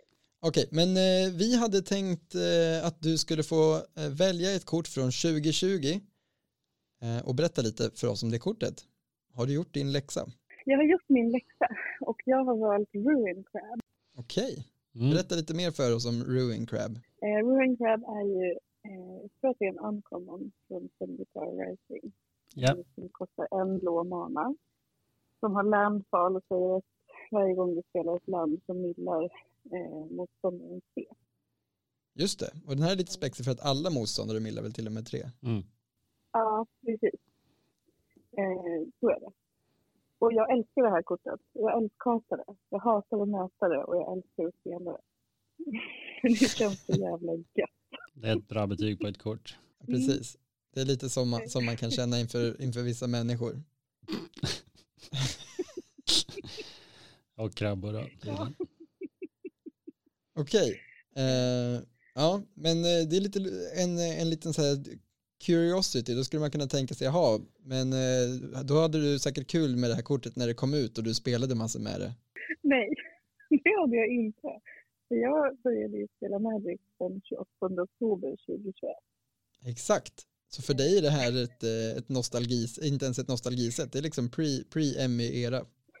Ja, nej, det här är ett gammalt kort. Det har jag ingen relation till när det kom. Exakt. Men jag råkar också Eh. veta att du gillar Mill. Ja, eh, jag tycker att det är väldigt roligt. Jag är lagom bra på Magic kan man säga. Och Mill är enkel. det är så här, åh nu har det bara åtta kort kvar. Då behöver jag bara milla några till så är det död sen. Mm. Det här med, med liv, då ska man räkna och det är så mycket strategi och tänka. Mm. Svår, det är svårt att blocka en millek. Japp. kan man bara Ja. skita i combat. Japp. jag spelar ju mill i Pioneer och jag har inte en enda creature som har power. Alla mina creatures har power noll. Mm. Nice. Jag kan på riktigt inte slå ihjäl någon Nice. leken. Visst. Nej men nice. Var det några andra kort du tänkte på under det året? Det råkade faktiskt vara ett jävla år. Det var, vi fick ett core set som inte var så vidare, men vi fick också Theros Beyond Death och som du sa Zendika Rising och så fick vi framförallt Ikoria, Lära efter Behemoth, som eh, ledde till eh, en regeländring för att eh, Companions var så brutna. Eh, ja, jag känner inte till så många kort därifrån, tyvärr. Ehm, det, det, när jag tänkte på de sätten som kom ut så är det ju typ bara från Zendikar som jag känner till. För det var fortfarande standardlegalt när jag började spela. Ja, ja. Ehm, och det var inte Ikoria. Nej, det stämmer nog. Ehm, men Cellular Retreat tänkte jag också på. Mm, just det. Med landfall som gör katter. Ja. För den gör katter och det säger sig själv. Det är ett fantastiskt kort. Japp. Japp. Ja, nej men, eh, men precis. Eh, Och eh, som Edvard sa så, så har vi ju planerat ett faktiskt riktigt roligt avsnitt tillsammans med dig då, som vi hade tänkt spela in ja, men om ett litet tag kanske. Mm. Och eh, då så får vi lära känna eh, dig ännu bättre. Eh, Är det något mer du vill. Ja, exakt. Är det något mer du vill lägga till om krabban eller om året 2020? Det var en pandemi också har jag för mig. Eh, ja, precis. Det var pandemi. Men framförallt så vill jag lägga till att de har en sån himla fin flavortext. Och nu har inte jag den framför mig. Jag minns bara att den är så himla fin. Jag ska se om jag kan hitta den snabbt. Nej, det kan jag inte. Men kolla upp, kolla upp den. Flavortexten på Ruin Crab kommer Harry att leta rätt på så kan vi läsa upp den för lyssnarna här. Mm. Ja, den är jättegullig och fin. Härligt. Men du, tusen tack för att du ville förgylla våran podd med din eh, härliga stämma. Så Och tack Kommer så vi- mycket för att jag fick vara med. ja, och det är ju bara början på din medverkan som sagt. Så vi, vi hörs snart igen här i podden. Det gör vi. Tusen tack, hej. Bye. Hade vi alltså Emmy med låten Ruin Crab. Vill du höra flavortexten? Gärna. Uh, to an explorer, a priceless treasure. To the crab, a rock to call home. Alltså det är alltså en eremitkräfta då. Ja, den har på sig något lyxigt som skal då. En, eh, ja, en sån hydron antar jag. Ja, Eller flera ja. små hydrons. Där ser man. Yes, då börjar vi närma oss slutet. Du, det kunde man inte tro så här tre timmar in i inspelningen. För er som lyssnar kanske två timmar och 45 minuter. Vi ber inte om ursäkt, men vi rör oss vidare in i år 2021. Och Ja. 2021 var ju, förutom Magic då, ett eh, jävla år alltså. Mm. Alla hade, var tvungna att sitta inne Mm. alla var sjuka. Det var märkligt. Man fick Ja. inte spela prälle, man fick inte ha kul. Nej. Jag minns det som det vore förra året. Alltså, Kommer du ihåg vad han hette han? Anders Tegnell som sa nu får ni inte spela Magic längre. som alla tyckte var så respektingivande så att de bara gick med på vad som helst. Och folkligt sexig. På något sjukt sätt. Ja, en förebild på den. Om man är så uppskattad av folket i den åldern, då ska man vara glad. 2011 var dock också ett Magic-år. 2021. 2021. Jag tänkte att vi höll på att få panik där. Men nej, vi kan inte bara vara på. Ja. Ja, så var det. Varsågod. Och det var en av de här åren, eh, alltså de senaste åren, eh, som releasetakten eh, skulle kunna kallas, Hög. ja, Hög är som ett jävla hus. högre än Snoop Dogg lördag kväll. Ja, faktiskt. Och power leveln var inte helt pissig den heller. Den var också på Snoops nivå kanske. Alltså så här, 2020 hade ju en del sjuka sätt. Men förutom eh, Companions så var det ett ganska lugnt år. det var. Jämf- vi fick andas lite mellan 2019 och 2021. För 2021 alltså, wow! Ja, precis. Då fick vi eh, äntligen eh, vikinga-inspirerade Kaldheim. Vi fick eh, lite trollkarlsskole Strixhaven. Vi fick den första av flera kommande crossovers, den här gången med Dungeons and Dragons. Eh, in Adventures in the Forgotten Realms. Eh, vi fick också två nya Innistrad-set. Eh, och sen så fick vi då ett set som är One set to rule them all. Alltså det är väl, fan. Mm, Om ni trodde att Modern Horizons 1 Mm. eller War of the Spark eller till och med Ron Ja. of Eldraine Ja. rörde till det i Magic-spelarnas huvuden. Ja, och blåmöcker. Då var det ingenting mot Modern Horizons 2 och det har vi pratat om förut så jag tänker inte prata för länge om det. Men eh, det var ett jävla brutet sätt. Eh, hur som helst, jag kan också nämna att eh, det var inte de enda brutna korten. Vi fick också, eh, jag tycker att Me Took Massacre är ett kort som är jävla Ja. bra. Vi fick även Expressive Iteration som visade sig vara, jag tror bättre än någon kunde ana. Den drar typ två, tre ish kort för två mana och det visade sig vara bra. Två för två kan man väl säga, men Ja. med selection. Japp. Fan vad bra det var. Den spelas Jävlar. överallt. Helvete, vad hände? Oj, Det är oj. rätt bra. I Modern Horizons 2 fick vi brutna kort eh, så som eh, Stupid Monkey som vi pratat om så många gånger. Eh, som en gång för alla fick Jackalpup att eh, begå självmord. Ja. vi fick Ah, också, Jackalpappa har en fördel. ja Den är inte legendary. det är sant. Ibland så vill man föredra man pappen men inte ofta Det är svårt att motivera att inte spela åtminstone en raggarvagn i sin Jackalpup-lek. i sin Jackalpapplek. Ja, nej, vi fick också eh, väldigt eh, coola kort skulle jag säga, såsom Grist som var en insect creature planeswalker. Vi fick också äntligen lite push till Merfolks, såsom Tideshaper och Shwayloon. Så Mm. det var väldigt trevlig present och ett Ett exempel. kort som inte var så bra däremot, men som var jävligt coolt. Eh, det har inte haft så stor impact på spelet. Det är Ursas saga. Precis. Precis. Eh, och eh, jag tänkte bara, eh, ja, jag ska prata lite om den tror jag. Eh, jag skulle bara jättekort säga att Modern Horizons, många kort var för bra. Vi fick också en cycle av gratis spells igen och det visade sig vara för bra den här gången också. Alltså alla incarnations. Ja, eh, men eh, ibland så gjorde de rätt också. Många kort är ju bara bra men också förbannat coola. Att de pushar arketyper som kanske behöver lite kärlek. De, så det ha cred Mycket, för. mycket enablers, många nya lekar i modden. Ja. Men det som är framförallt speciellt med de här eh, korten du nämnde nu, med incarnationsen, är ju att de också väldigt mycket är the checks and balances av framförallt modden. Blivit så, ja. le- Lek med tanken att du bannar en av dem. Mm. Väl, välj en liksom random bara och säg den. Um, Subtlety, eller Solitude menar jag, den är bättre. Ja, ta Solitude. Om du bannar Solitude, vad händer med en av de andra bästa lekarna i formatet, nämligen Hammer Time då? Vart tar den vägen i metat om inte Solitude finns där? Ja, precis. Och samma sak kan man säga som Fury. Ja, Kanske inte riktigt sant om, om ja, Endurance skulle man också kunna argumentera för att den, då skulle vissa andra lekar också bli för bra. Så det, just nu tror jag det är väldigt svårt att banna dem också. ja. Men de är väldigt bra i alla fall, det är sant. Nej, det var, vi har sagt det förut och vi kommer säkert säga det någon gång mer, men nu ska vi inte säga mer om det, förutom att jag faktiskt nog väljer Ursa Saga som kortet. Mhm. Eh, och grejen är den att det kändes, Modern Horizons 2 var så pushat så att det känns konstigt att inte ta ett kort därifrån. Men jag väljer Ursa Saga just för att den är helt unik. Eh, det finns ju inget som liknar den. Eh, och jag, I for one, appreciate eh, the creativity. Ja, verkligen. and the bravery. Att de gjorde det är något så otroligt elegant också. Det heter Ursa Saga, precis som sättet, och den är permanent type, Jantment Saga, Land, Ursa Saga. Vem hade kunnat tro det va? Det är så wacky, men också logiskt. Eh, det och det funkar på något sjukt sätt. Alltså den är ju extremt bra, men den är faktiskt inte bandad någonstans ännu.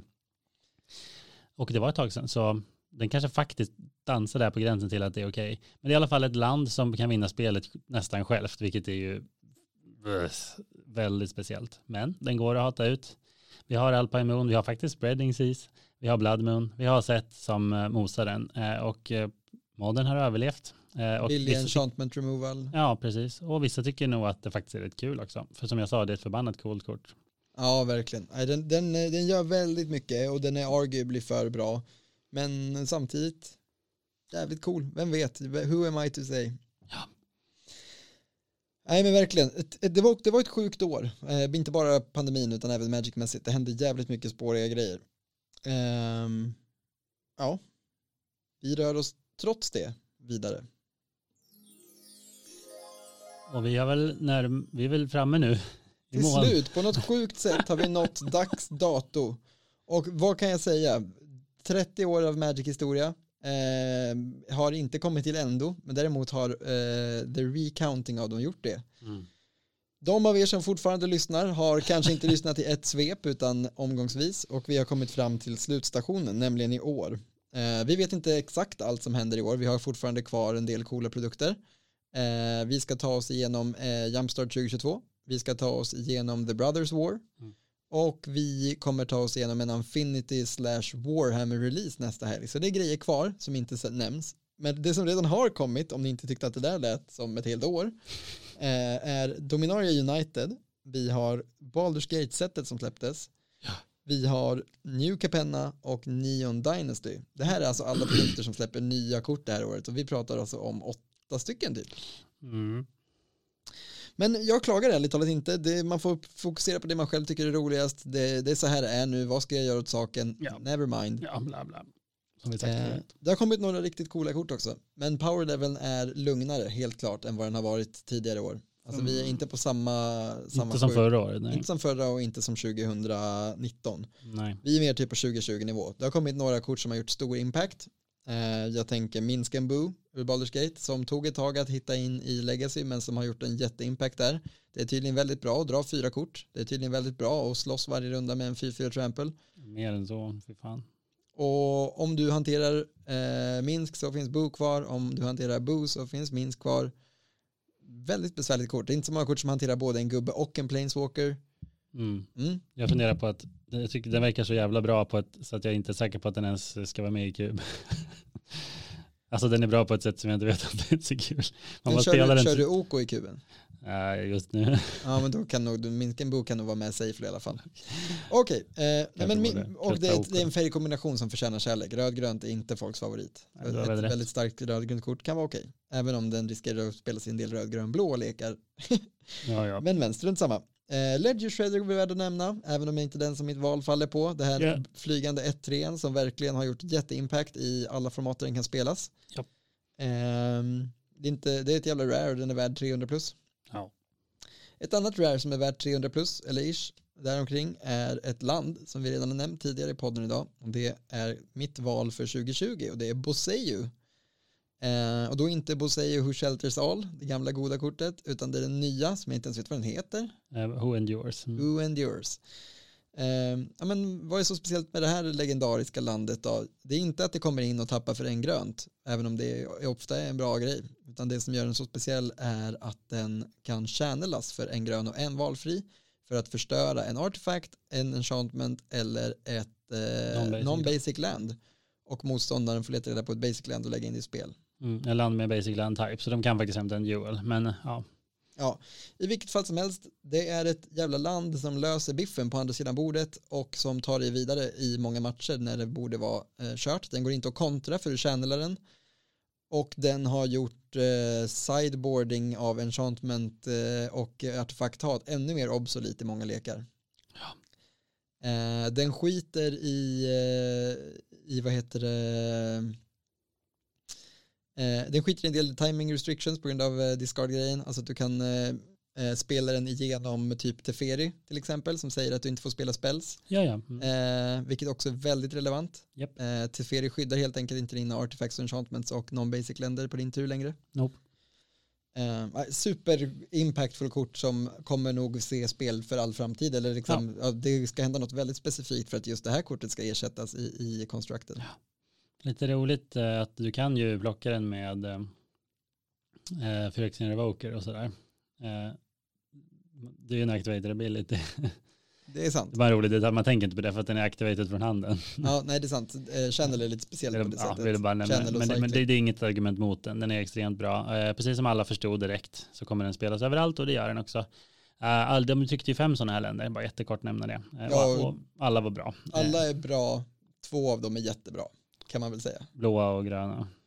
Ja, ja den blåa bouncear en eh, non-land permanent istället. Nästan, inte alla typer, men typ. In, ja, den, den är inte väldigt bra. Och det är en konstig quirk med de här som är att de blir ett billigare för varje planeswalker och legendary creature du kontrollerar. Ja, det var weird, onödigt.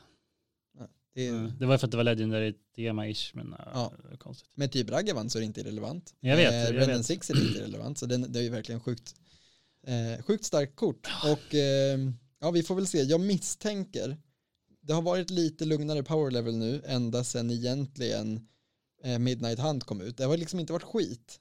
men det har Nej. varit lite chill. Mm. Och jag tror att Brothers War är här för att bara räcka det. Jag är inte säker, men jag har no- någon magkänsla i mig som säger att nu, nu är de redo för att bara släma sjuka kort i ansiktet på sig. Ja, är Artifact-sätten är Mm. alltid brutna. Jo. Jo.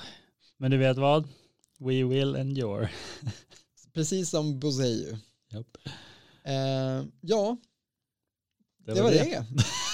Skulle man kunna tro. Ja, just det. Men på stacken har ett segment som vi trots det här avsnittets ringa längd inte kan tänka oss att stryka för då vet vi att vi tappar 85% av våra följare enligt undersökningar utförda av Kantar Sifo. Ja, Så därför är vi så illa tvungna att avsluta avsnittet med show and tell.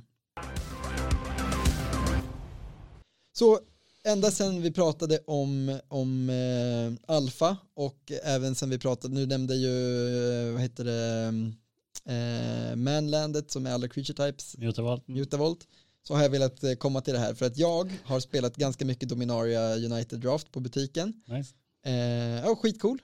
Absolut, jag gillar verkligen formatet. Det är lite för lätt att gå in i någon slags five color good, eller multicolor good stuff. Inte Ja. five kanske, men just multicolor good stuff känns verkligen som en, jag tror inte att den nödvändigtvis är den bästa leken, men den är väldigt lätt att bygga och den blir ganska lätt stark. Japp. Och därför känns det som, ja, jag vet inte, det, det känns eh, lite unrewarding i ett format som annars känns väldigt kul. Och det är väl alltid en risk med att göra sådana arketyper, att man bara plockar upp alla länder, plockar upp alla bra kort. Men med det sagt eh, är det inte det som stör mig mest, inte by a long shot, utan det som stör mig mest är att det finns fem lords i sättet som är lords till en tribe, som alla är bra och kommer Ja. supporta sin tribe i Pioneer framförallt och i standard, Ja. men som i limited är total shit för att de här tribesen typ inte existerar i sättet. Nej. Alltså det finns ett par goblins, det finns någon merfolk, Finns soldier tokens? finns absolut soldier token så den är minst relevant, eller mest relevant, men Ja. även, även den eh, inte liksom, det är inte ett tribal set verkligen. Eh, utan de är här för att göra saker i constructed och är därför i limited bara bajs. Ja. Eh, och det tycker jag är roligt. För det finns många saker i det här sättet som typ hintar tillbaka till forntiden, precis som Dominaria United kanske ska. Mm. Och en väldigt rolig sak är att Lordsen i det första Magic-set, alltså i alfa, hade ju också, var ju bara helt ospelbara i något slags limited meta. Alltså, Goblins fanns det nästan inga. Det fanns ju ingen limit då, men ja. Mm. Så kan man absolut säga. Men, men du fattar vad jag, vad jag menar. Ja, ja. Eh, Merfolks fanns det en utom En ja. eh, och eh, zombies fanns det ett par stycken och de var alla bedrövliga. Ja. Så ja, det är en hint tillbaka till forntiden. Lite kul. Men just nu när man sitter och draftar, ett, man måste typ ta dem för de är ganska dyra många av dem. Mm. Alltså alven, goblinen och eh, merfolken kostar alla liksom mycket mer än en booster i alla fall. Typ eh, 80, runt 70-80 spänn. Så pass. Ja, jag vet inte om goblinen är så dyr, men jag tror det. Alla tre kommer ju till spel i både modern och eh, pioneer. Och EDH. Eh, Cleric-gubben har väl inte kanske, Clerics känns inte som den mest älskade arketypen utanför Durkas eh, EDH-samling. Mm. Men det var ett roligt val att de inte tog zombies.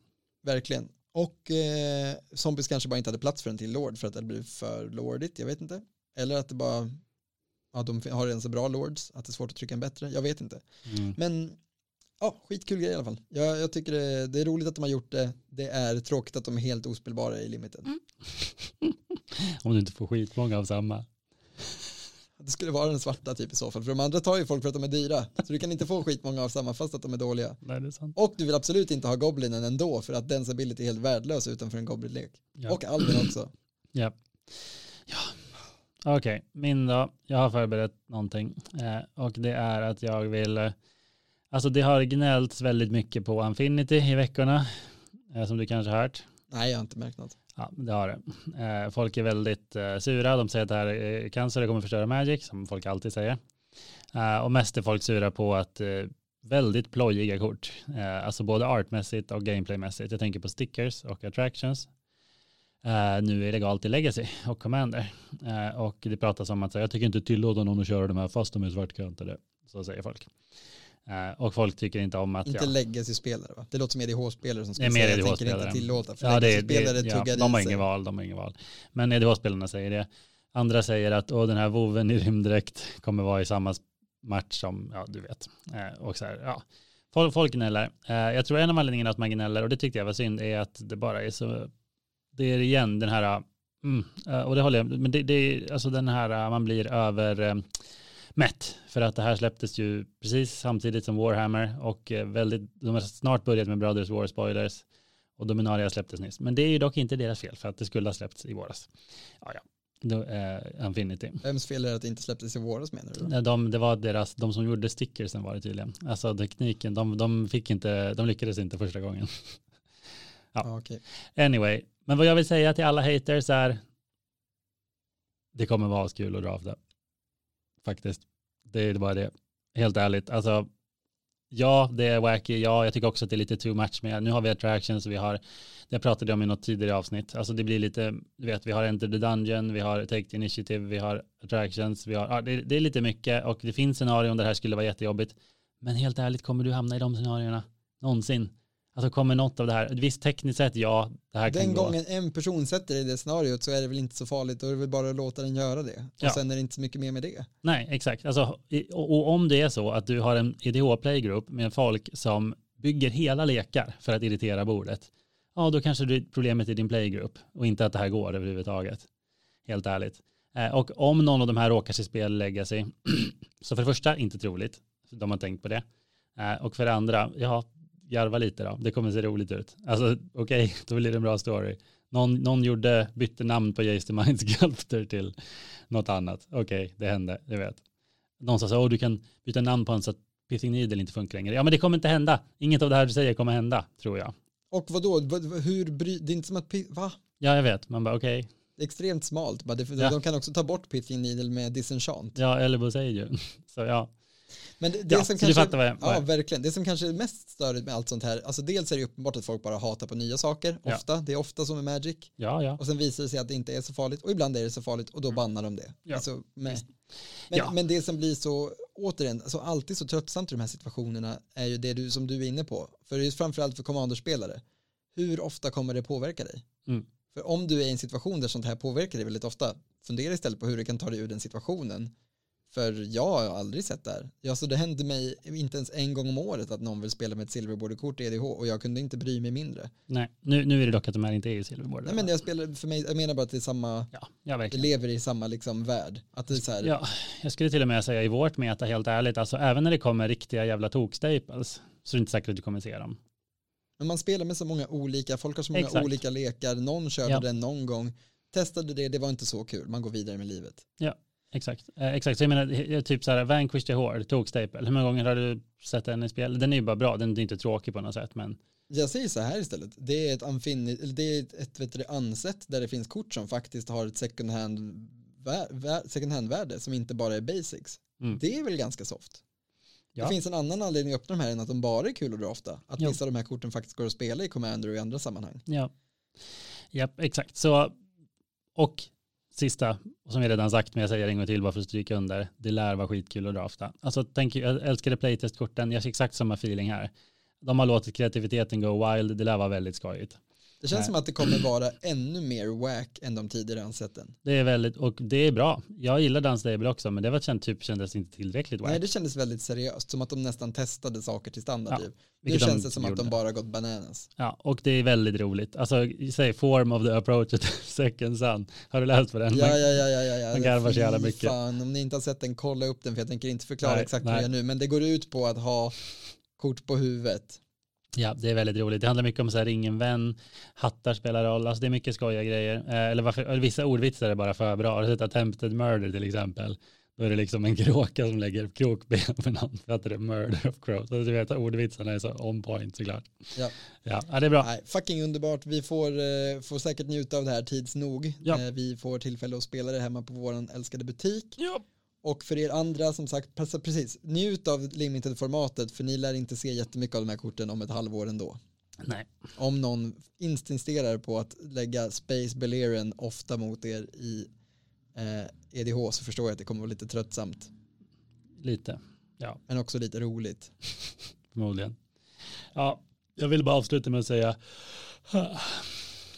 Ja, vet du vad? Vi, eh, vi är klara för idag. Japp. Eh, Eh, vi ska passa på att tacka ett gäng som hjälper oss att producera våran podcast även på det 30 och längsta avsnittet hittills. Vi vill tacka Nick Staffas för en fantastisk omslagsbild. Vi vill tacka Ember Artworks för en sweet old school textlogo. Vi vill tacka Mackan Mackanackarna Östlund för Sweet Licks på Harrys 30-årsfest och en riktigt bra eh, en riktigt, riktigt bra eh, intro-jingel. Ja. Och vi vill tacka Tobbe Ja. för hans trogna uppladdande av våran podd för att vi är så snåla att vi inte har köpt en rimlig tjänst för att ladda upp poddar. Jag tror vi ska göra det nu. Sist men inte minst vill vi tacka Kristoffer Gandrén för ett troget klippande av den här podcasten. Vi ber om ursäkt för ett snuskigt långt avsnitt. Men det var ett ovanligt avsnitt som vi sa i början. Inte bara för sin längd utan också för sin tjocklek. Ja, precis. Jag, jag tycker dock att det allra, allra sista jag vill säga är tack till oss som orkade spela in hela avsnittet. Ja, det, det kan vi ha. Det kan vi ha. Tack, hej då.